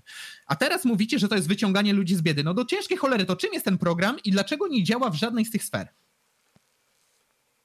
I jeszcze I... należałoby zadać sobie pytanie, czy wprowadzenie 500 plus nie pogłębiło patologii przypadkiem w polskich rodzinach. Ciekawe, czy są jakieś badania jest... na ten temat trzeba by zweryfikować tak naprawdę, ale tak, y, moim zdaniem y, w ogóle jak już rozmawiamy o takim samej koncepcji debat, to trzeba zaznaczyć, że debaty, y, ja mówię, to potrafi być po prostu taki młyn, znaczy młoda na młyn, tak? Takie, takie, takie chleba, chlebie igrzyska dla ludu.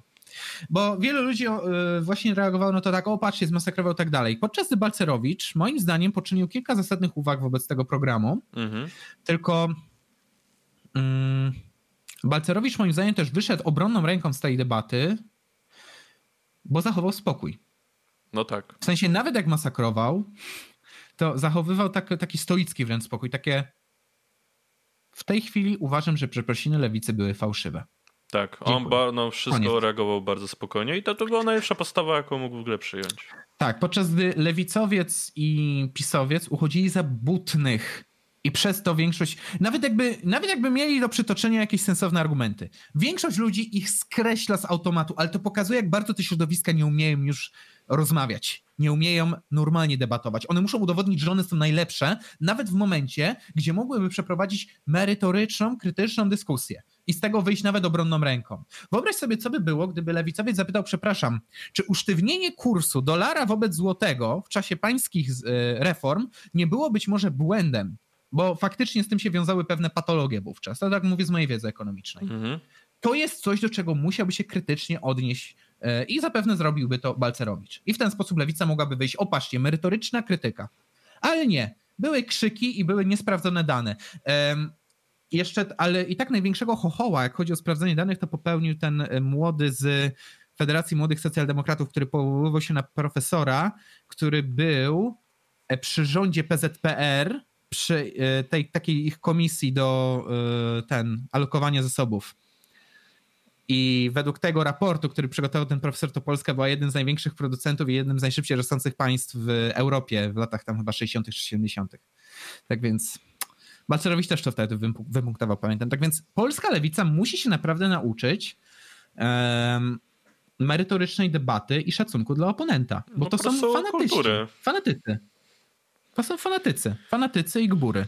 No ale to, że e... oni podchodzą do wszystkiego bardzo emocjonalnie, też było widać na tej debacie tego, tego typa zmęcenia. Już nie pamiętam, jak on się nazywa. Standerski, tak? No, no, no, no, no, no, tak. No, no, no. On też tak. tam e- podchodził bardzo emocjonalnie, wiesz. Mencen robił zajebistą robotę, bo po prostu walił miny. On po prostu tak bardzo się powstrzymywał, żeby coś powiedzieć. Ale Mencen też mu nie przerywał i wysłuchiwał jego argumentów. A jak reagował tamten? Mencen coś mu tłumaczy, a to... tak, Mencen mu chyba przerwał raz i później chyba nawet za to przeprosił, że rzeczywiście za bardzo się uniósł, a ten mu przerwał praktycznie co chwila i bo widać, że Mencen już tak próbuje się nie wkurwić naprawdę, bo jego mina to bardzo wyraźnie na to wskazywały, że ci zaraz jebnę.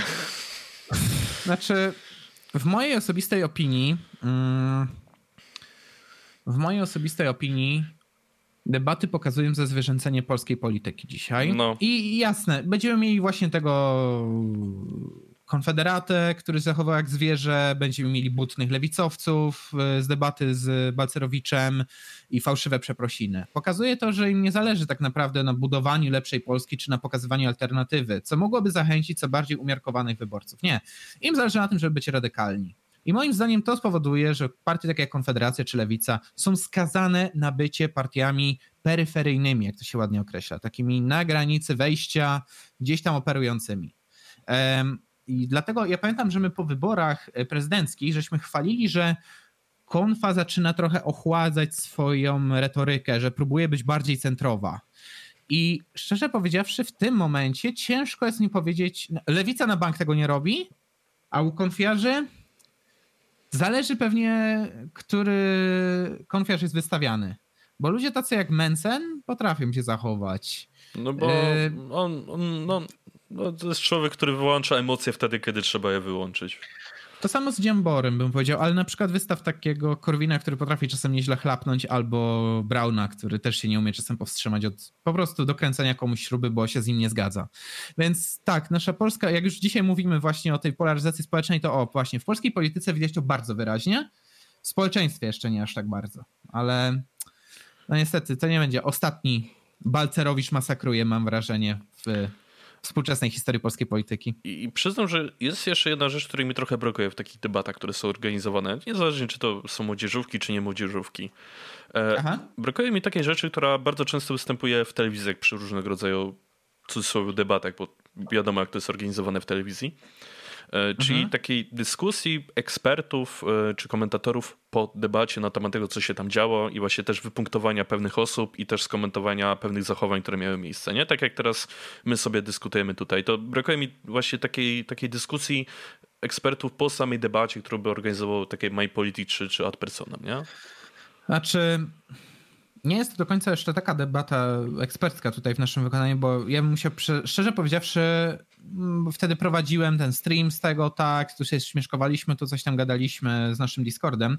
Gdybym to oglądał sam, w ciszy i mógł sobie punktować dokładnie, notować coś tam, co było powiedziane i tak dalej, to pra prawdopodobnie dużo bardziej merytorycznie bym się do tego też odnosił. No, ale bo mi się nie też, wszystkiego wyłapać. Pewnie, wiadomo, ale właśnie też jestem zdania, że właśnie organizatorzy takich debaty właśnie jak Mój Polityk czy, czy Ad Personam y, no, mamy tą taką scenę około polityczną i tu było dosyć szeroko. Jest Szymon, jesteśmy my, jest generalnie dużo osób i jakby bo zdaniem nic nie stoi im szkodzi, żeby właśnie trochę to tak rozbudować coś ciekawszego, gdzie można by też pokazać, co sknociły czy nie sknociły dosłownie wszystkie strony sporu. Ty w sumie mówisz o czymś takim jak e, powiedzmy w czasie turnieju w CSGO, że po każdym meczu jest właśnie spotkanie Taki analiz desk, no. rozmawiają. No, no tak. no, dokładnie coś e, takiego. To, to jest całkiem dobry pomysł, kurczę. I szczerze powiedziawszy, tylko pytanie, kogo by zaproszono i czy byliby to ludzie godni zaufania powszechnego. To znaczy, e, trzeba by na pewno zadbać tutaj o różnorodność światopoglądową. No to na pewno, i tak. O szczerość i otwartość i taką krytyczność tych ludzi, więc pytanie, kogo by wybrano i czy byliby zaakceptowani przez widzów, tak, bo to też jest ważne wtedy.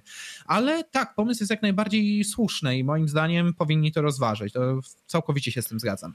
No, no ja jestem zdania, że na przykład nawet taki Alex mógłby się do tego nadawać. Z, z, z, z, myśli, z myśli no. Tak, tak, tak. No, Mówię, tak, on, on jest osoby, dobry. Tak, osoby, które nie są powiązane ze światem politycznym tak stricte na zasadzie, że nie są żadnej partii i tak dalej, mają jakieś swoje poglądy, wiadomo, mają jakąś wiedzę, mhm. ale chodzi o to, żeby spojrzeć właśnie z boku na całą debatę, która miała miejsce i też zrobić punktowanie jakichś konkretnych osób, które coś sknociły, nie? Na zasadzie, że no tu pan Balcerowicz dobrze odpowiedział, ale pan z Młodej Lewicy to ja pierdzielę, kto go zaprosił do tej debaty, nie? Albo na przykład tutaj pan Balcerowicz coś tam przekręcił, albo nie odniósł się do tak, pytania, tak, tak, jednak jednakże, y, jednakże pytanie było też zadane w jakiś tam na przykład sposób czy coś. Nie? No, Dokładnie, tak samo jak analiza. na przykład y, w tej debacie standerskiej Mencen, Mencen zaczął się odnosić y, do tego najwyższego wskaźnika jakby zdrowotności, czy tam służby zdrowia w Korei, a Standerski chyba się odnosił do jakiegoś funduszu, że to dzięki niemu jest tak dobrze i właśnie a. mając taką debatę, znaczy nie debatę, tylko dyskusję po takiej debacie, to ty mógłbyś sobie to zweryfikować, zresearchować i się do tego odnieść i w efekcie osoby, które oglądają tę debatę miałyby pełniejsze spojrzenie na to, co się właściwie tam działo, nie? Tak, bo tak to każdy może powtarzać jakieś chochoły postawione przez przeciwnika, którego po, prostu popierali. Tak, e, Więc, tak no... albo po prostu w pełni nie zrozumieć, co miało miejsce na samej debacie, nie? Bo, bo jakby mhm. nie ma wiedzy, która pozwala zweryfikować obie strony, czy tam kilka stron. Tak, dokładnie. No, do rozważania na pewno, bo te projekty no, mają swoje zasięgi i myślę, że ściągnęliby do siebie ludzi, gdyby tylko chcieli do, do takich analiz, tak? Ale to pytanie, czy, czy pójdą tą drogą. Dobrze. Mm, w takim razie może zakończmy już ten temat i przejdźmy do jakiegoś kolejnego. E, czy ty masz na dzisiaj coś tam wychłapane, wyhaczone?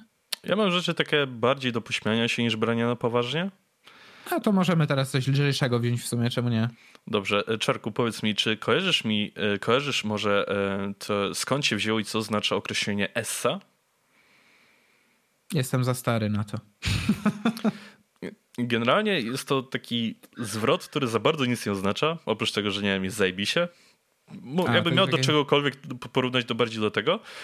Jest to taki zwrot, który wymyślił taka, aby to ładnie ująć, persona znana w polskim hip-hopie, e, czyli tak zwany Wini, który obecnie ma kanał, prowadzi sobie rozmowy z różnymi ludźmi.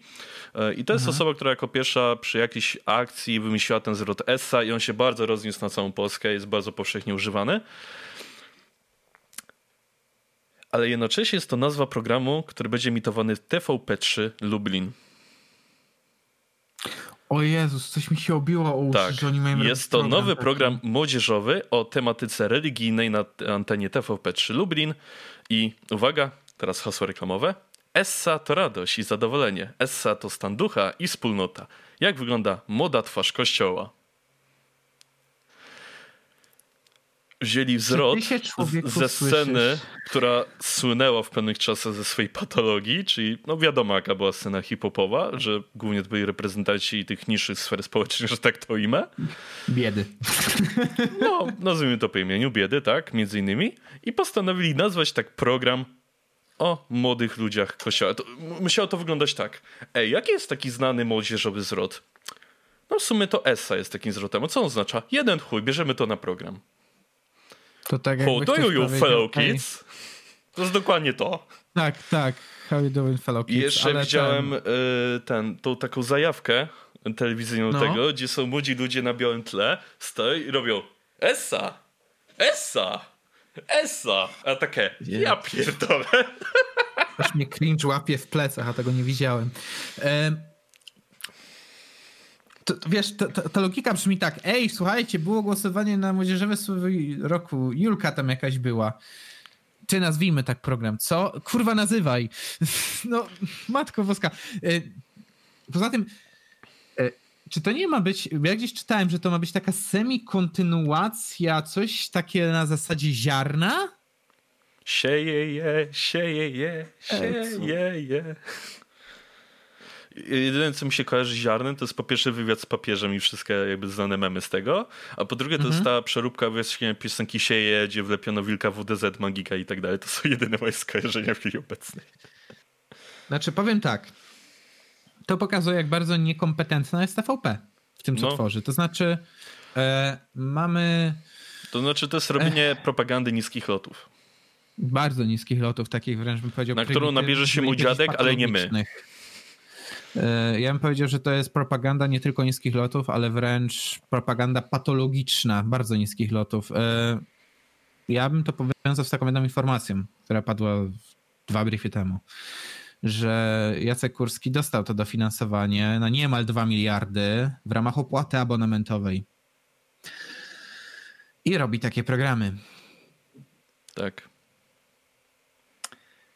No, jestem głęboko rozczarowany. E, ja bym powiedział, e, że mój dzień został właśnie zrujnowany, także bardzo śmiesznie. E, cierpienie Cezara jest bardzo śmieszne, tak. To, żeby nas tak dopierdolić do reszty, to pozwól, że teraz dopierdolę długiem, jaki wygenerował nam rząd. Otóż pojawiły yeah. się oficjalne informacje z Ministerstwa Finansów. No i tak, rośnie na potęgę. W tej chwili na łebka każdy obywatel ma do spłacenia 35 tysięcy złotych a ogólny dług publiczny wynosi już bilion 335 miliardów złotych. Wzrost długu w porównaniu z rokiem 2020 jest olbrzymi. I teraz przy, przytoczmy parę liczb. Jeżeli chodzi na łebka, powiedziałem, że 35 tysięcy złotych mamy do zwrócenia. Pomyślcie, to jest nowy, dobry samochód średniej jakości salonu. To jest ta wartość. Albo używany, mieliśmy... zajebisty samochód. Tak. Rok temu mieliśmy do spłaty o 7,6 tysiąca złotych mniej. Czyli 28 tysięcy. 7 tysięcy wygenerowano w jeden rok. I oczywiście rozumiem, że pandemia i tak dalej, ale to pokazuje, jak bardzo niezorganizowane mamy e, finanse publiczne, bo jasne, gdyby ten dług teraz rósł wyjątkowo, ale w poprzednich latach było wpyte, to nikt by się nie przechrzaniał, ale w poprzednich latach rósł, a teraz rośnie bardziej. I teraz dalej. Um, Dobra, to mamy, to mamy, o właśnie. Kwestię długu publicznego porusza dr Sławomir Dudek, główny ekonomista Forum Obywatelskiego Rozwoju. Zauważa on, że deficyt jest niższy od prognozowanego przez Komisję Europejską, wynosi 6,9%, gdy KE przewidywała, że będzie to blisko 9%, więc teoretycznie można by się cieszyć, bo niby jesteśmy poniżej szacunków, ale nowy dług w relacji do PKB wzrósł o 12,5%. KE zakładała 10,8% tak to przeczytam, czekaj, deficyt niższy od prognozy KE. Nowy dług w relacji do PKB to aż 12,5%, KE zakładała 10,8%. Aha, okej, okay, rozumiem. Czyli tak, hmm, chodzi o to, że komisja yy, yy, znaczy Komisja Europejska przewidywała, że nam ten dług ma niby wzrosnąć bardziej rok do roku, ale chodzi o to, że nasz dług um, no, no, no skoczył wyraźnie, skoczył wyraźnie, tak, no te, te, te, te 12%. Zresztą teraz się mówi, bo to jeszcze nie ma pełnych szacunków, ale mówi się o tym, że w tym roku mieliśmy przekroczyć już ten próg 60% zadłużenia względem PKB, co oznaczałoby, ni mniej, ni więcej, że będzie trzeba znowu nowelizować konstytucję albo bardzo zaciskać pasa. I, i, i. E, ja już poruszałem w jednym z podcastów ekstra kwestię kreatywnej księgowości PiSu. Jak mówiłem o propagandzie sukcesu PiS, tak? I mm, Dr Dudek w zeszłym roku alarmował, że wysokość deficytu w roku 2020 i 2021 należy rozpatrywać łącznie. Być może rząd chce po prostu pokazać na papierze redukcję deficytu. Cały deficyt y, zaprojektowany przez rząd wyniesie w przyszłym roku 140 miliardów złotych. A zliczając cały deficyt z okresu dwóch lat, mamy już 410 miliardów. Ekonomista wyjaśnił, że cechą tegorocznego i przyszłorocznego budżetu jest duża elastyczność, możliwość wy- przerzucenia wydatków. Na przykład 38 miliardów na poczet przyszłorocznych 13 i 14 zostało zapisane w tegorocznym budżecie. Gdyby tylko skorygować budżet centralny o te wydatki, to obraz jest zupełnie inny. Deficyt wzrósłby z około 70 miliardów w tym roku. 70 miliardów, pomyśl. Ile to już Sasinów? To już 100 Sasinów. 1000 Sasinów. Ehm, z, z około 70 miliardów do 120 miliardów w przyszłym roku wylicza ekspert. Innymi słowy, nasz rząd, stosując kreatywną księgowość, próbuje zatuszować, jak bardzo przestrana jest w rzeczywistości sytuacja. Przerzucił sobie wygodnie trzynastki na inny okres, żeby nie wyszło, że tutaj będzie coś nie tak. I dodatkowo, tak, y, my to będziemy stopniowo, ale w dość dużych raczej interwałach odczuwać po portfelu na zasadzie, że ten dług na mieszkańca będzie rósł. I teraz szczerze, mm, ugrupowania, które są opozycyjne, jakie by nie były, i stawiałem na retorykę bardziej wolnorynkową albo mniej etatystyczną, powinny robić jedno. Podkreślać, o ile wzrósł dług na mieszkańca. To jest liczba, która dotknie ludzi, która uderza. Że na przykład rok temu byłeś winny PiSowi, nie wiem, yy, dajmy na to. Czekaj, czekaj. No, 27 tysięcy, a teraz jeszcze więcej. No. Czekaj, 28 tysięcy, samochód. Kurna, ja to, ja to zrobię profesjonalnie, czekaj. Um, o, dobra, mam jakąś ofertę na Allegro. Dobra. W zeszłym roku byłeś. E, kurna, fajnie. O, w zeszłym roku byłeś winny rządowi używanego Chevroleta Captivie. Ok, może być. A w tym roku będziesz winny swojemu rządowi. Eee, no i zobaczmy, jakie tu mamy oferty. O, u, używanego Forda Kuga. Nie, nie, nie, nie, znam się na samochodach. O, używane Audi A4. O, to był uderzyło. Proszę bardzo, piękny slogan mamy, tak? Rok temu Kia, w tym roku już Audi. Także no. Rząd baluje za twoją kasę. Co A za rok Mercedes. A za rok Mercedes. Ale popatrz, y, rząd robi coś totalnie okropnego i opozycja tego w ogóle nie wykorzystuje. Ja rozumiem, że jest obecnie koronawirus, tak? Ale można by przy tym tak piękną imbę rozkręcić, jeszcze żeby się pojawiły jakieś taśmy, jak zasoby. Ale trzeba by znowu stonogę wypuścić. By trzeba znowu stonogę wypuścić. Jest to koszt, który jestem gotów ponieść. Przynajmniej będzie śmiesznie przy okazji, tak? Wielu z was będzie cringe'ować, ale jest to ryzyko. Dobra. Mm, tak czy inaczej pragnę jedynie podkreślić. Rząd nas ma w kakao fiskalnie ale opinia publiczna ma to w dupie. I żadna partia opozycyjna tego nie wykorzystuje. To też uważam jest totalnym absurdem. No, żeby przynajmniej konfa coś krzyczała. Tak, bo po nich się bym tego najszybciej spodziewał, a tu no. Cisza jak makiem zasiał. Cisza jak po bombardowaniu niemieckim. No dobra, nie będę zrobił tego żartu. Więc e, tak, e, pokój powszechny. Dobra, to też jest złe hasło. Um, Dawidzie, y, może przytoczmy znowu coś lżejszego, co? Tylko proszę cię, nie, nie depresjonujmy aż tak ludzi, co? To, to może masz ochotę posłuchać sobie y, potrójnego salta intelektualnego w wykonaniu Juleczki? Dawaj. Dobrze, bo na, znalazłem to, najpierw mi to latało po Twitterze, potem jeszcze znalazłem to, to na wykopie, bo dzisiaj nie miałem co robić rano, to sobie go scrollowałem. To jest tak piękna wypowiedź, więc e, po, pozwól, że tobie i naszym widzom puszczę w bardzo profesjonalny sposób. Po prostu przyłożę głośnik do mojego telefonu, do, do mikrofonu i powinno być wszystko słychać. Więc prezentuję w takim razie. Powiedz, czy dobrze słychać. Jeśli jesteś osobą białą tak. I uważasz, że doświadczyłeś bądź doświadczyłaś rasizmu, to teraz mnie posłuchaj. Nie ma czegoś takiego jak odwrócony rasizm. Nie ma czegoś takiego jak rasizm wobec białych. To jest najwyżej odbity rasizm. Inne rasy mają powody bać się białych. Tak jak kobiety mają powody bać się mężczyzn. W Atlancie, nie tak dawno, 21-letni biały mężczyzna zastrzelił sześć azjatyckich kobiet i jeszcze dwie inne osoby. I co powiedział biały śledczy dowodzący? miał zły dzień. A inny biały mężczyzna zgwałcił, uderzył łopatą w głowę i odgryzł część twarzy ośmioletniej czarnej dziewczynce. I chodzi wolno. Inne rasy mają powody się nas bać, bo im nie daliśmy. Jeśli jest... Bardzo chciałbym wiedzieć, czego im nie daliśmy, ale... Um... Znaczy, tak czytam właśnie o, tym, o tych wydarzeniach, że są prawdziwe. Mhm. Tak, mamy tutaj jakiegoś pierdolniętego gościa, który zastrzelił sześć Azjatek i Ameryka się zastanawia, czy to rasizm, bo to wyglądało tak, że on kupił jakąś broń kilka godzin wcześniej i po prostu zastrzelił sześć Azjatek i mm, tu akurat nie znajduję jeszcze...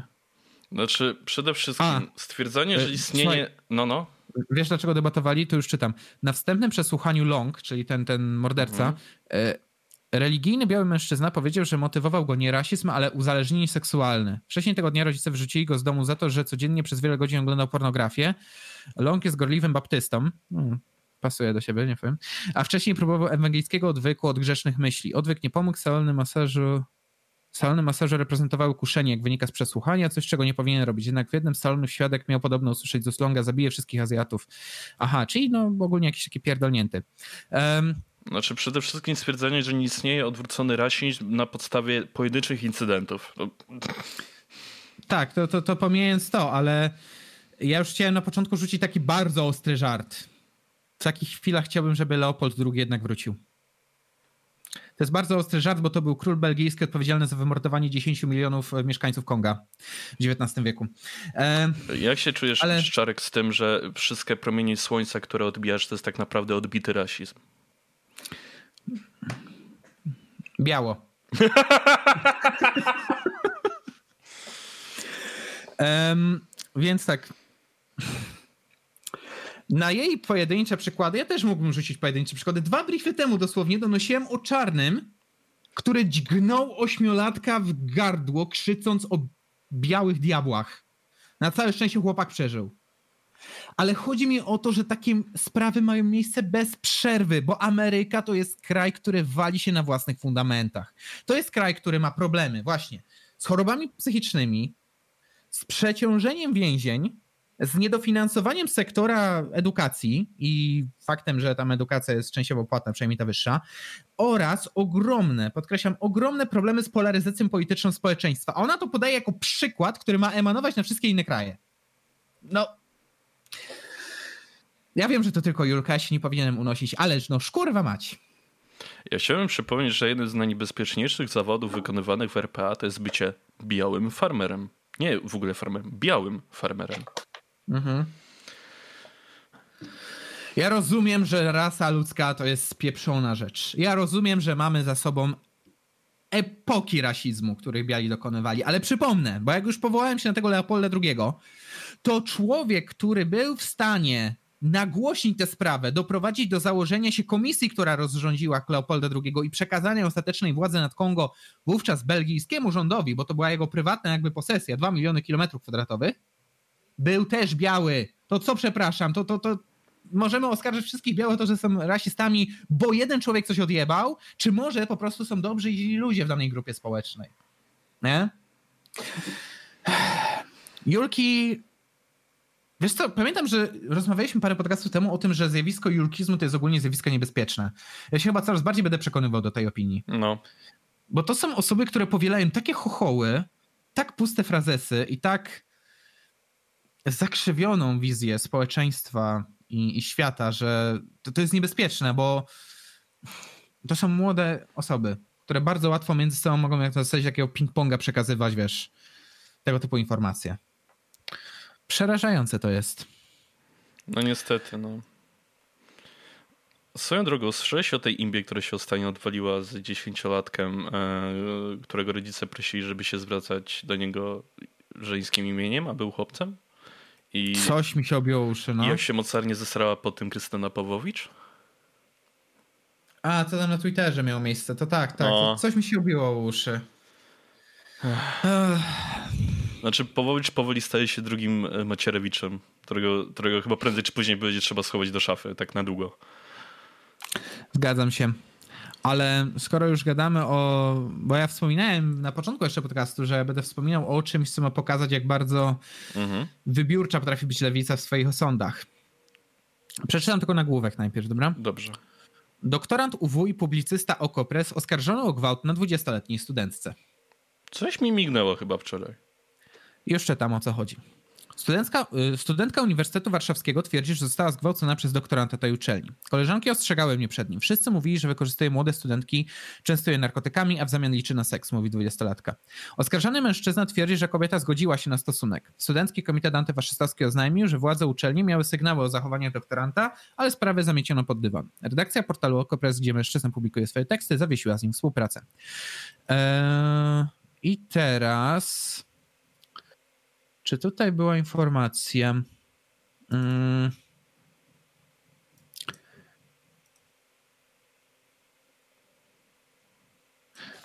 Tak. Mm.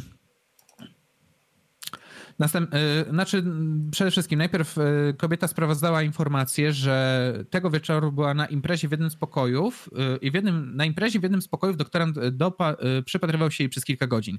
Nie wypiłam dużo, ale w pewnej chwili dziwnie się poczułam. Ocknęłam się na łóżku w jego pokoju. Byłam zupełnie naga, moje ciuchy leżały porozrzucone wokół. Znów odpłynęłam, ale świadomość wracała co kilka minut. Gwałcił mnie do rana, aż jego współlokator zaczął dobijać się do drzwi, odpowiada dwudziestolatka. Wtedy kazał mi się szybko ubrać, zaprowadził mnie do mojego pokoju, wepchnął do łazienki i zrobił to jeszcze raz. Nie miałam siły walczyć. Następnie Następnego dnia kobieta posz, y, poszła do mężczyzny, by wyjaśnić sytuację. Próbowałem z nim rozmawiać, on zaczął mnie dotykać, powiedziałem mu, że przyszłam tu, by, nie przyszłam tu, by uprawiać z nim seks, ale nie byłam w stanie uciec. Znów mnie wykorzystał, powiedziała. Kobieta po kilku miesiącach od wyjazdu, y, od wyjazdu o gwałcie zawiadomiła konsultantkę do spraw przemocy seksualnej na UW. To organ samorządowy powołany oddolnie może kierować ofiarę przemocy do odpowiednich organów uczenia, ale sama e, nie przekazuje takich informacji, pisuje portal i wskazuje, że władze uniwersytetu miały już niepokojący sygnał dotyczący tego doktoranta. Oczywiście wszyscy się teraz od tego odcinają, tylko o co mi chodzi? Że tolerancyjne środowiska w naszym kraju mm, niestety, ale potrafią się wykazywać często gęsto takimi zachowaniami, które no, okazują się po prostu fałszywe. Mieliśmy tą sprawę związaną z tymi gośćmi przy yy, w ogóle, tak, przy w ogóle, teraz mamy tę sprawę. Chodzi mi o to, że te takie środowiska kawiorowe mają swoje za uszami. I coraz częściej wychodzą te sprawy na jaw i powiem tak, nie chcę oceniać tego po tej jednym case'ie, żeby nie popełnić tego błędu co Julka, ale z drugiej strony to jest kurewsko niepokojące słyszeć informacje o tym, że takie rzeczy mają miejsce i to właśnie w tych środowiskach, które się najbardziej kreują na te tolerancyjne, świadome i niby takie anty-anty wszystko, co złe, nie? No i ciemię pod latarnią. Trochę tak. Nawet yy, pamiętam ktoś tak, tak, właśnie nie wiem, czy to było w jakiejś dyskusji na Twitterze, czy coś ktoś zauważył, że ej, słuchajcie, wiecie, w naturze tak jest, że predatorzy, te, te napastnicy najczęściej próbują się kamuflować w środowiskach, gdzie mogą przełapać wiele swoich ofiar.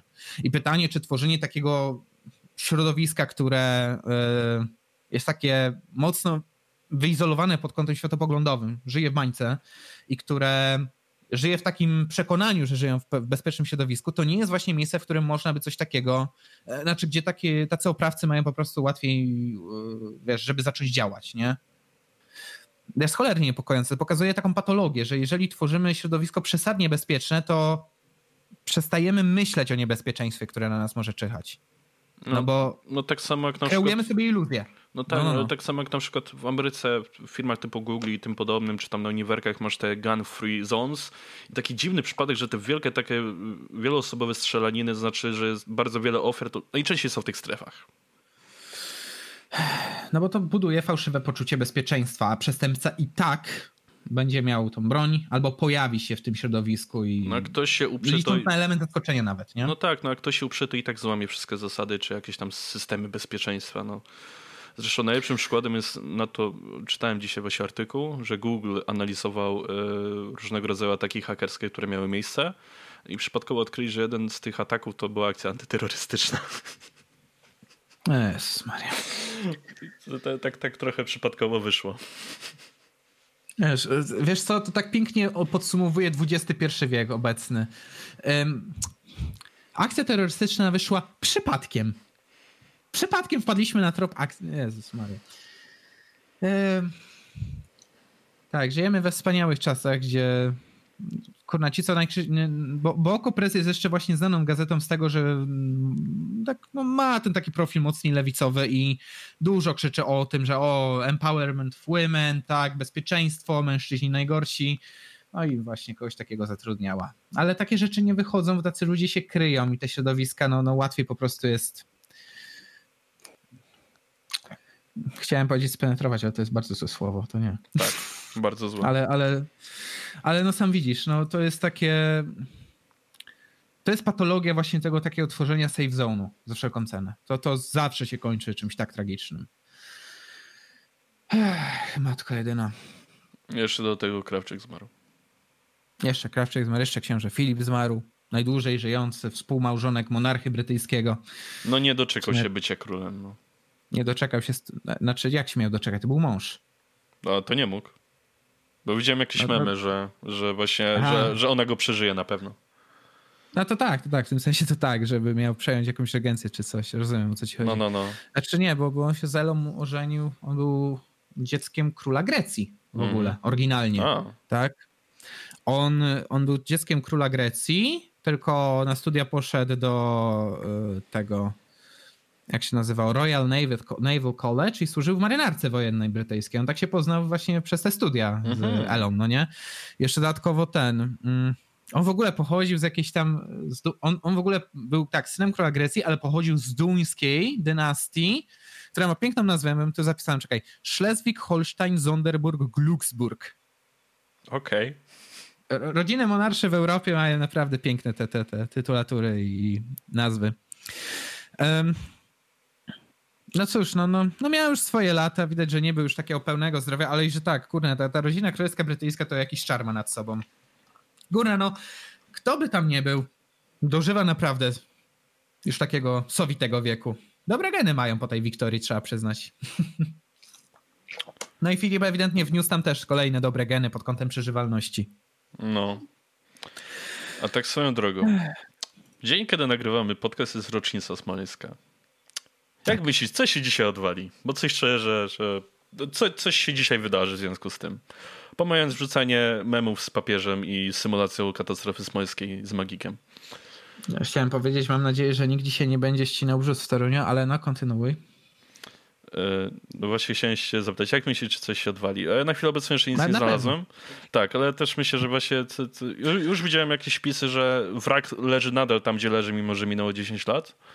Mhm. E o, tutaj ktoś rzucił zdjęcie Tuska witającego się z Putinem i z podpisem smutek polskojęzycznego premiera Donalda Tuska. Generalnie jest e, hashtag Smois 2010, więc e, sobie właśnie tak obserwuję, co się dzieje. E, mieliśmy już Pawła Tanajno, który został zgarnięty przy, przy, przy schodach smoleńskich, że tak to ujmę, przy pomniku. Trzeba wyjaśnić, bo ogólnie to on poszedł na protest z przedsiębiorcami. tak i stwierdził, że bardzo dobrym pomysłem będzie, ej, ustawmy się w miejscu, gdzie będzie zmierzała kolumna rządowa. No co złego może się wydarzyć? Znaczy, generalnie było tak, że on już chyba gdzieś z pół miesiąca temu, w momencie kiedy rząd ogłosił ten lockdown około Wielkanocny, stwierdził, że to skoro wy nas zamykacie na Wielkanoc, to wy wam zamkniemy pomnik w dzień rocznicy. I to już był taki wcześniej zaplanowany protest. Oczywiście z tego względu, że obostrzenia zostały przedłużone, to jakby odrzucono wniosek o protest w tym miejscu i tego dnia, wiadomo. E, ale no, mimo wszystko e, banda e, Tanajno postanowiła mimo wszystko się tam pojawić. No, no i skończyło się jak się skończyło. No, ja stałem, patrzę, Tanajno aresztowany. Dobra, stało się co miało się stać. Nihilnowi. Ach, kurczę, blade. No wiesz, no, ja, ja już to powiedziałem w briefie, który wjeżdża w poniedziałek. Jaki przywódca, taka efektywność ruchu obywatelskiego, nie? Um, jeszcze tylko dodam jedno. Tak, tak, jak już mamy, do, jakby wiesz, postawić wisienkę na torcie absurdu dzisiejszego dnia, znalazłem w Urban Dictionary, że dzisiaj, 10 kwietnia, jest Femboy Day. Także tak. Podamy jako społeczeństwo. Ale swoją drogą, jak już jesteśmy przy Smoleńsku, nie uważasz, że to ta katastrofa, która się niestety tam wydarzyła, była dniem, kiedy polskie społeczeństwo zaczęło się bardzo poważnie dzielić i z roku na rok było coraz gorzej?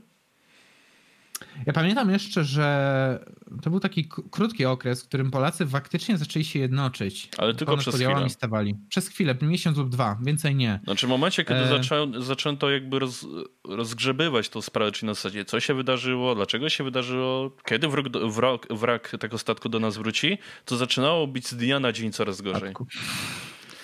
E... Znaczy ja powiem ci tak, moim zdaniem śmierć prezydenta Kaczyńskiego wówczas i wszystkich ludzi, którzy byli na pokładzie mm, samolotu spowodowała, że do władzy w różnych ugrupowaniach doszli ludzie, którzy byli radykalniejsi. Tak. Szczególnie chodzi o PiS. Bo Oj, tak. doszedł tak. brat Jarosław i on jest moim zdaniem... No jeszcze Macierewicz. Ja Tak, ale ja zawsze jak porównywałem tych dwóch, to Lech wydawał się dużo łagodniejszy od mhm. Jarka. Jarek zresztą słynął z tego, że potrafi się wypowiadać na tematy, o których yy, nie ma pojęcia yy, swego czasu. Chyba on właśnie miał tą słynną wypowiedź yy, o tym, czy marihuana się z konopi robi. To chyba on był. I on był generalnie zawsze tym takim bardziej fanatycznym, bardziej takim radykalnym z bliźniaków, podczas gdy Lech był właśnie tym takim bardziej stonowanym. I mam wrażenie, że przez to, że doszli do władzy w partiach tacy radykalniejsi ludzie spowodowało, że mm, no właśnie, mieliśmy to, co mieliśmy, czyli mieliśmy taką, jakby to ująć, mieliśmy taką polaryzację społeczną, która następowała od tamtego czasu. Wiesz, to była też ostatnia dekada, w sumie jak się takiej przyjrzeć, to była też dekada takiego pojawienia się stopniowego coraz bardziej radykalnych ugrupowań w różnych miejscach. No, razem się pojawiło, Korwin zaczął być mocniejszy nagle, no jakoś nie powalająco dużo, ale coraz bardziej z roku na rok. Ale chodzi o to, że się pojawiły i doszły do głosu i mają swoją reprezentację sejmową w tej chwili nawet, No nie? tak, no. Bo, bo na przykład takie PO jak odszedł Tusk do Europarlamentu, to zaczynało być z roku na rok coraz bardziej cieniem samego siebie. No, było tylko gorzej. Się. Bo właśnie, tak. bo właśnie przestali Ale... być radykalni w jakikolwiek sposób. Znaczy nie mieli jakichś takich twardych postulatów, przy których mogliby no, no. stać. Gdzie Tusk wyjeżdżał na tym swoim niby liberalizmie w 2007, jeszcze pamiętam, ale... E Chodzi mi o to, że nie, nie no, żebym chciał zakazywać tym partiom istnienia, tylko że takie partie znajdują posłuch, to sugeruje też, że no, Polacy ewidentnie tam w pewnych już swoich częściach są spolaryzowani, tylko mówię, społeczeństwo jeszcze nie aż tak bardzo jak to środowisko polityczne. Moim zdaniem pokłosiem Smoleńska poniekąd mogłaby być ta polaryzacja, bo umożliwiła dojście niektórym ludziom do władz w partiach, ale to jest za dużo chyba powiedziane, żeby to jedno wydarzenie jakby to spowodowało. Być może przyspieszyło bo ten proces i tak by być może następował, tylko wolniej albo z naciskiem na inne ugrupowanie, wiesz? No dokładnie. Zresztą też pamiętam te czasy, kiedy były przecież te miesięcznice smoleńskie, że tak to ujmę. E, I środowiska powiedzmy takie bardziej lewicowe makabrycznie to wyśmiewały wszędzie, gdzie się dało. I prawda jest mhm. taka, że jakby ta katastrofa, która miała miejsce, strasznie spolaryzowała społeczeństwo. Później już ten temat przycichł, bo ile można E, ale zaczęły wychodzić inne tematy, gdzie można spolaryzować społeczeństwo dokładnie tak samo. I mam wrażenie, że chyba z roku na rok jest coraz gorzej. Mamy tego coraz więcej, takich akcji, które się dzieją. Bo jak sobie pomyślę o roku nie wiem, 2015, to jakoś nie przypominam sobie grubych akcji oprócz Zbigniewa Stonogi i tych taśmy usowy. Tak poza tym to jakoś wybitnie się za dużo nie działo, a z zeszłego roku to chyba można by po prostu sypać z rękawa jakieś imby, które się działy. Trzeba brać pod uwagę to, że byliśmy wtedy młodsi i nie śledziliśmy tak bardzo newsów. No to też prawda. No. Ja mam wrażenie, że znalazłyby się takie sytuacje i akcje, tylko tego się już trochę nie pamięta, bo to było dawno i się nie śledziło wtedy tak uważnie e, sceny czy politycznej, czy światowej, czy międzynarodowej. Tak? To w sensie moim zdaniem moim zdaniem mm, dawniej jak wybuchała afera, to była rzadkość też. No. Więc te afery miały bardzo daleko idące pokłosie. Natomiast obecnie, jak wybucha afera, one wybuchają często. To, to, to fakt, ja się zgodzę. I moim zdaniem żadna nie może się ponieść aż tak bardzo. W sensie największą aferą, aferą, jeżeli to można tak nazwać, chodzi mi o taki kryzys społeczny, w sensie protest kobiet był no, rok temu. Trybunał nie? Konstytucyjny, może tak podsumować. Trybunał Konstytucyjny, tak. I wydawało się, że wokół tego może narosnąć jakiś istotny ruch społeczny, czy, czy coś w rodzaju y, no wiesz, jakiejś takiej fali, przejęcia inicjatywy przez inne ugrupowania, coś takiego. Nic takiego się nie stało. No. W sensie sam ruch szybko się rozwodnił, pokłócił wewnętrznie, a pisowcy po prostu stojąc na pozycjach, na których stali, jakby byli gotowi, że dobra, będzie uderzenie, ale my to przetrwamy. Chodzi mi o to, że przyzwyczailiśmy się do dram i to jest też niebezpieczne, bo to sprawia, że kolejne akcje muszą nabierać, technicznie rzecz ujmując, coraz większego rozmachu, aby spowodować tak istotne perturbacje społeczne. Mhm. Natomiast, e, natomiast e, wraz z wzrostem skali tych e, zdarzeń, faktycznie, teoretycznie może rosnąć na przykład ilość przemocy w ramach tych wydarzeń, czy polaryzacja społeczna. Też doszło do polaryzacji tak naprawdę w mediach popularnych. No, spójrz, jakie głupie sprawy teraz się robi imby na YouTubie na przykład, na kanale komentarii. Starczy, że ktoś zalajkował mema, gdzie, nie wiem, się naśmiewano nie z murzynów na przykład i już za chwilę Gergamel to wyciągał. gdzie wcześniej to była imba z Wardęgą o to, że on złamał jakieś przepisy, tutaj coś zjebał i przynajmniej te sprawy były grube. A teraz to jest takie skakanie sobie do gardeł naprawdę byle gówno czasami. Kontent się musi zgadzać i wyświetlenia też. W sensie... Ale wiesz, to też pokazuje, jak bardzo no. społeczeństwo się polaryzuje już na to pierdoły tak naprawdę. Niby tak. W zasadzie... Cancel... Bo, to jest pokłosie cancel culture. No tak, bo wiesz, jak była ta imba z reżyserem życia, to stwierdziłem, dobra, parę rzeczy on rzeczywiście spierdolił mocno, w zasadzie, że mówił, że wszystko nagrywane zdalnie, a ewidentnie nie było, to po prostu kłamstwo. Ale jeśli chodzi o te, te rzeczy, które lejkały na wykopy, to mają takie, dobra, gość sobie pewnie siedział na kiblu i po prostu sobie kurwa scrollował i klikał to, to co pierwszy mu mózg mu podpowiedział, na zasadzie śmieszne albo nie, albo po prostu jest bucem. Jakby nie widzę powodu, żeby z tego robić ultra dramę na YouTubie. Mhm. Um, to fakt, znaczy można coś takiego dostrzec, dlatego ja mówię, że ta polaryzacja społeczna następuje, ale nie jest jeszcze tak zaawansowana jak w USA, tylko przez właśnie to, że mamy takich twórców jak Gargamel, którzy biorą wzorce z zachodu i uważają, że przeniesienie cancel culture z zachodu tutaj jest dobrym pomysłem, no niestety to będzie się pogłębiało, tylko i wyłącznie, więc tak, spodziewam się tego, że polaryzacja społeczna może się pogłębić w następnych latach, ale kiedy osiągniemy poziom USA, moim zdaniem jeszcze trochę do tego mamy. I mam nadzieję, że zdążymy na czas zawrócić z tej drogi, ale z drugiej strony żeby to się stało, potrzebujemy chyba terapii szokowej. Potrzebujemy, żeby nam coś wstrząsnęło. No, musi dojść do tragedii, no, z, z, tytułu tego, no.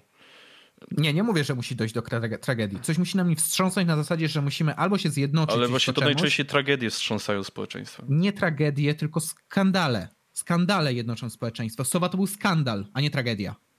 Smoleńsk był tragedią. Zjednoczył społeczeństwo, właśnie powiedziałeś, że nie zjednoczył. No, no okej, okay, no Tragedia no tak, no, albo skandal. Chodzi, Tragedia, nie chciałbym tragedii, szczerze. Ja też bym nie chciał, żeby doszło do sytuacji, że w wyniku cancel culture, nie wiem, ktoś się powiesi albo zabije w jakiś inny sposób. Mm. Albo coś gorszego. Że w cancel culture dojdzie do tego poziomu, że nie wiem, będzie miał realny wpływ, wiesz, na no tak, sferę no. polityczną, powiedzmy. Mm -hmm. To była katastrofa. E, ja nie mówię, oczywiście, bo, bo też ktoś mógłby tak to odebrać, że e, to co, mamy nie ścigać przestępców właśnie seksualnych, jak ten, o którym rozmawialiśmy. Nie, oczywiście, że mamy ich ścigać i piętnować, ale to nie oznacza, że mamy ścigać za wszystko i za poglądy, tak? Bo znaczy inaczej, nie, ścigaj, nie ścigajmy za podejrzenia.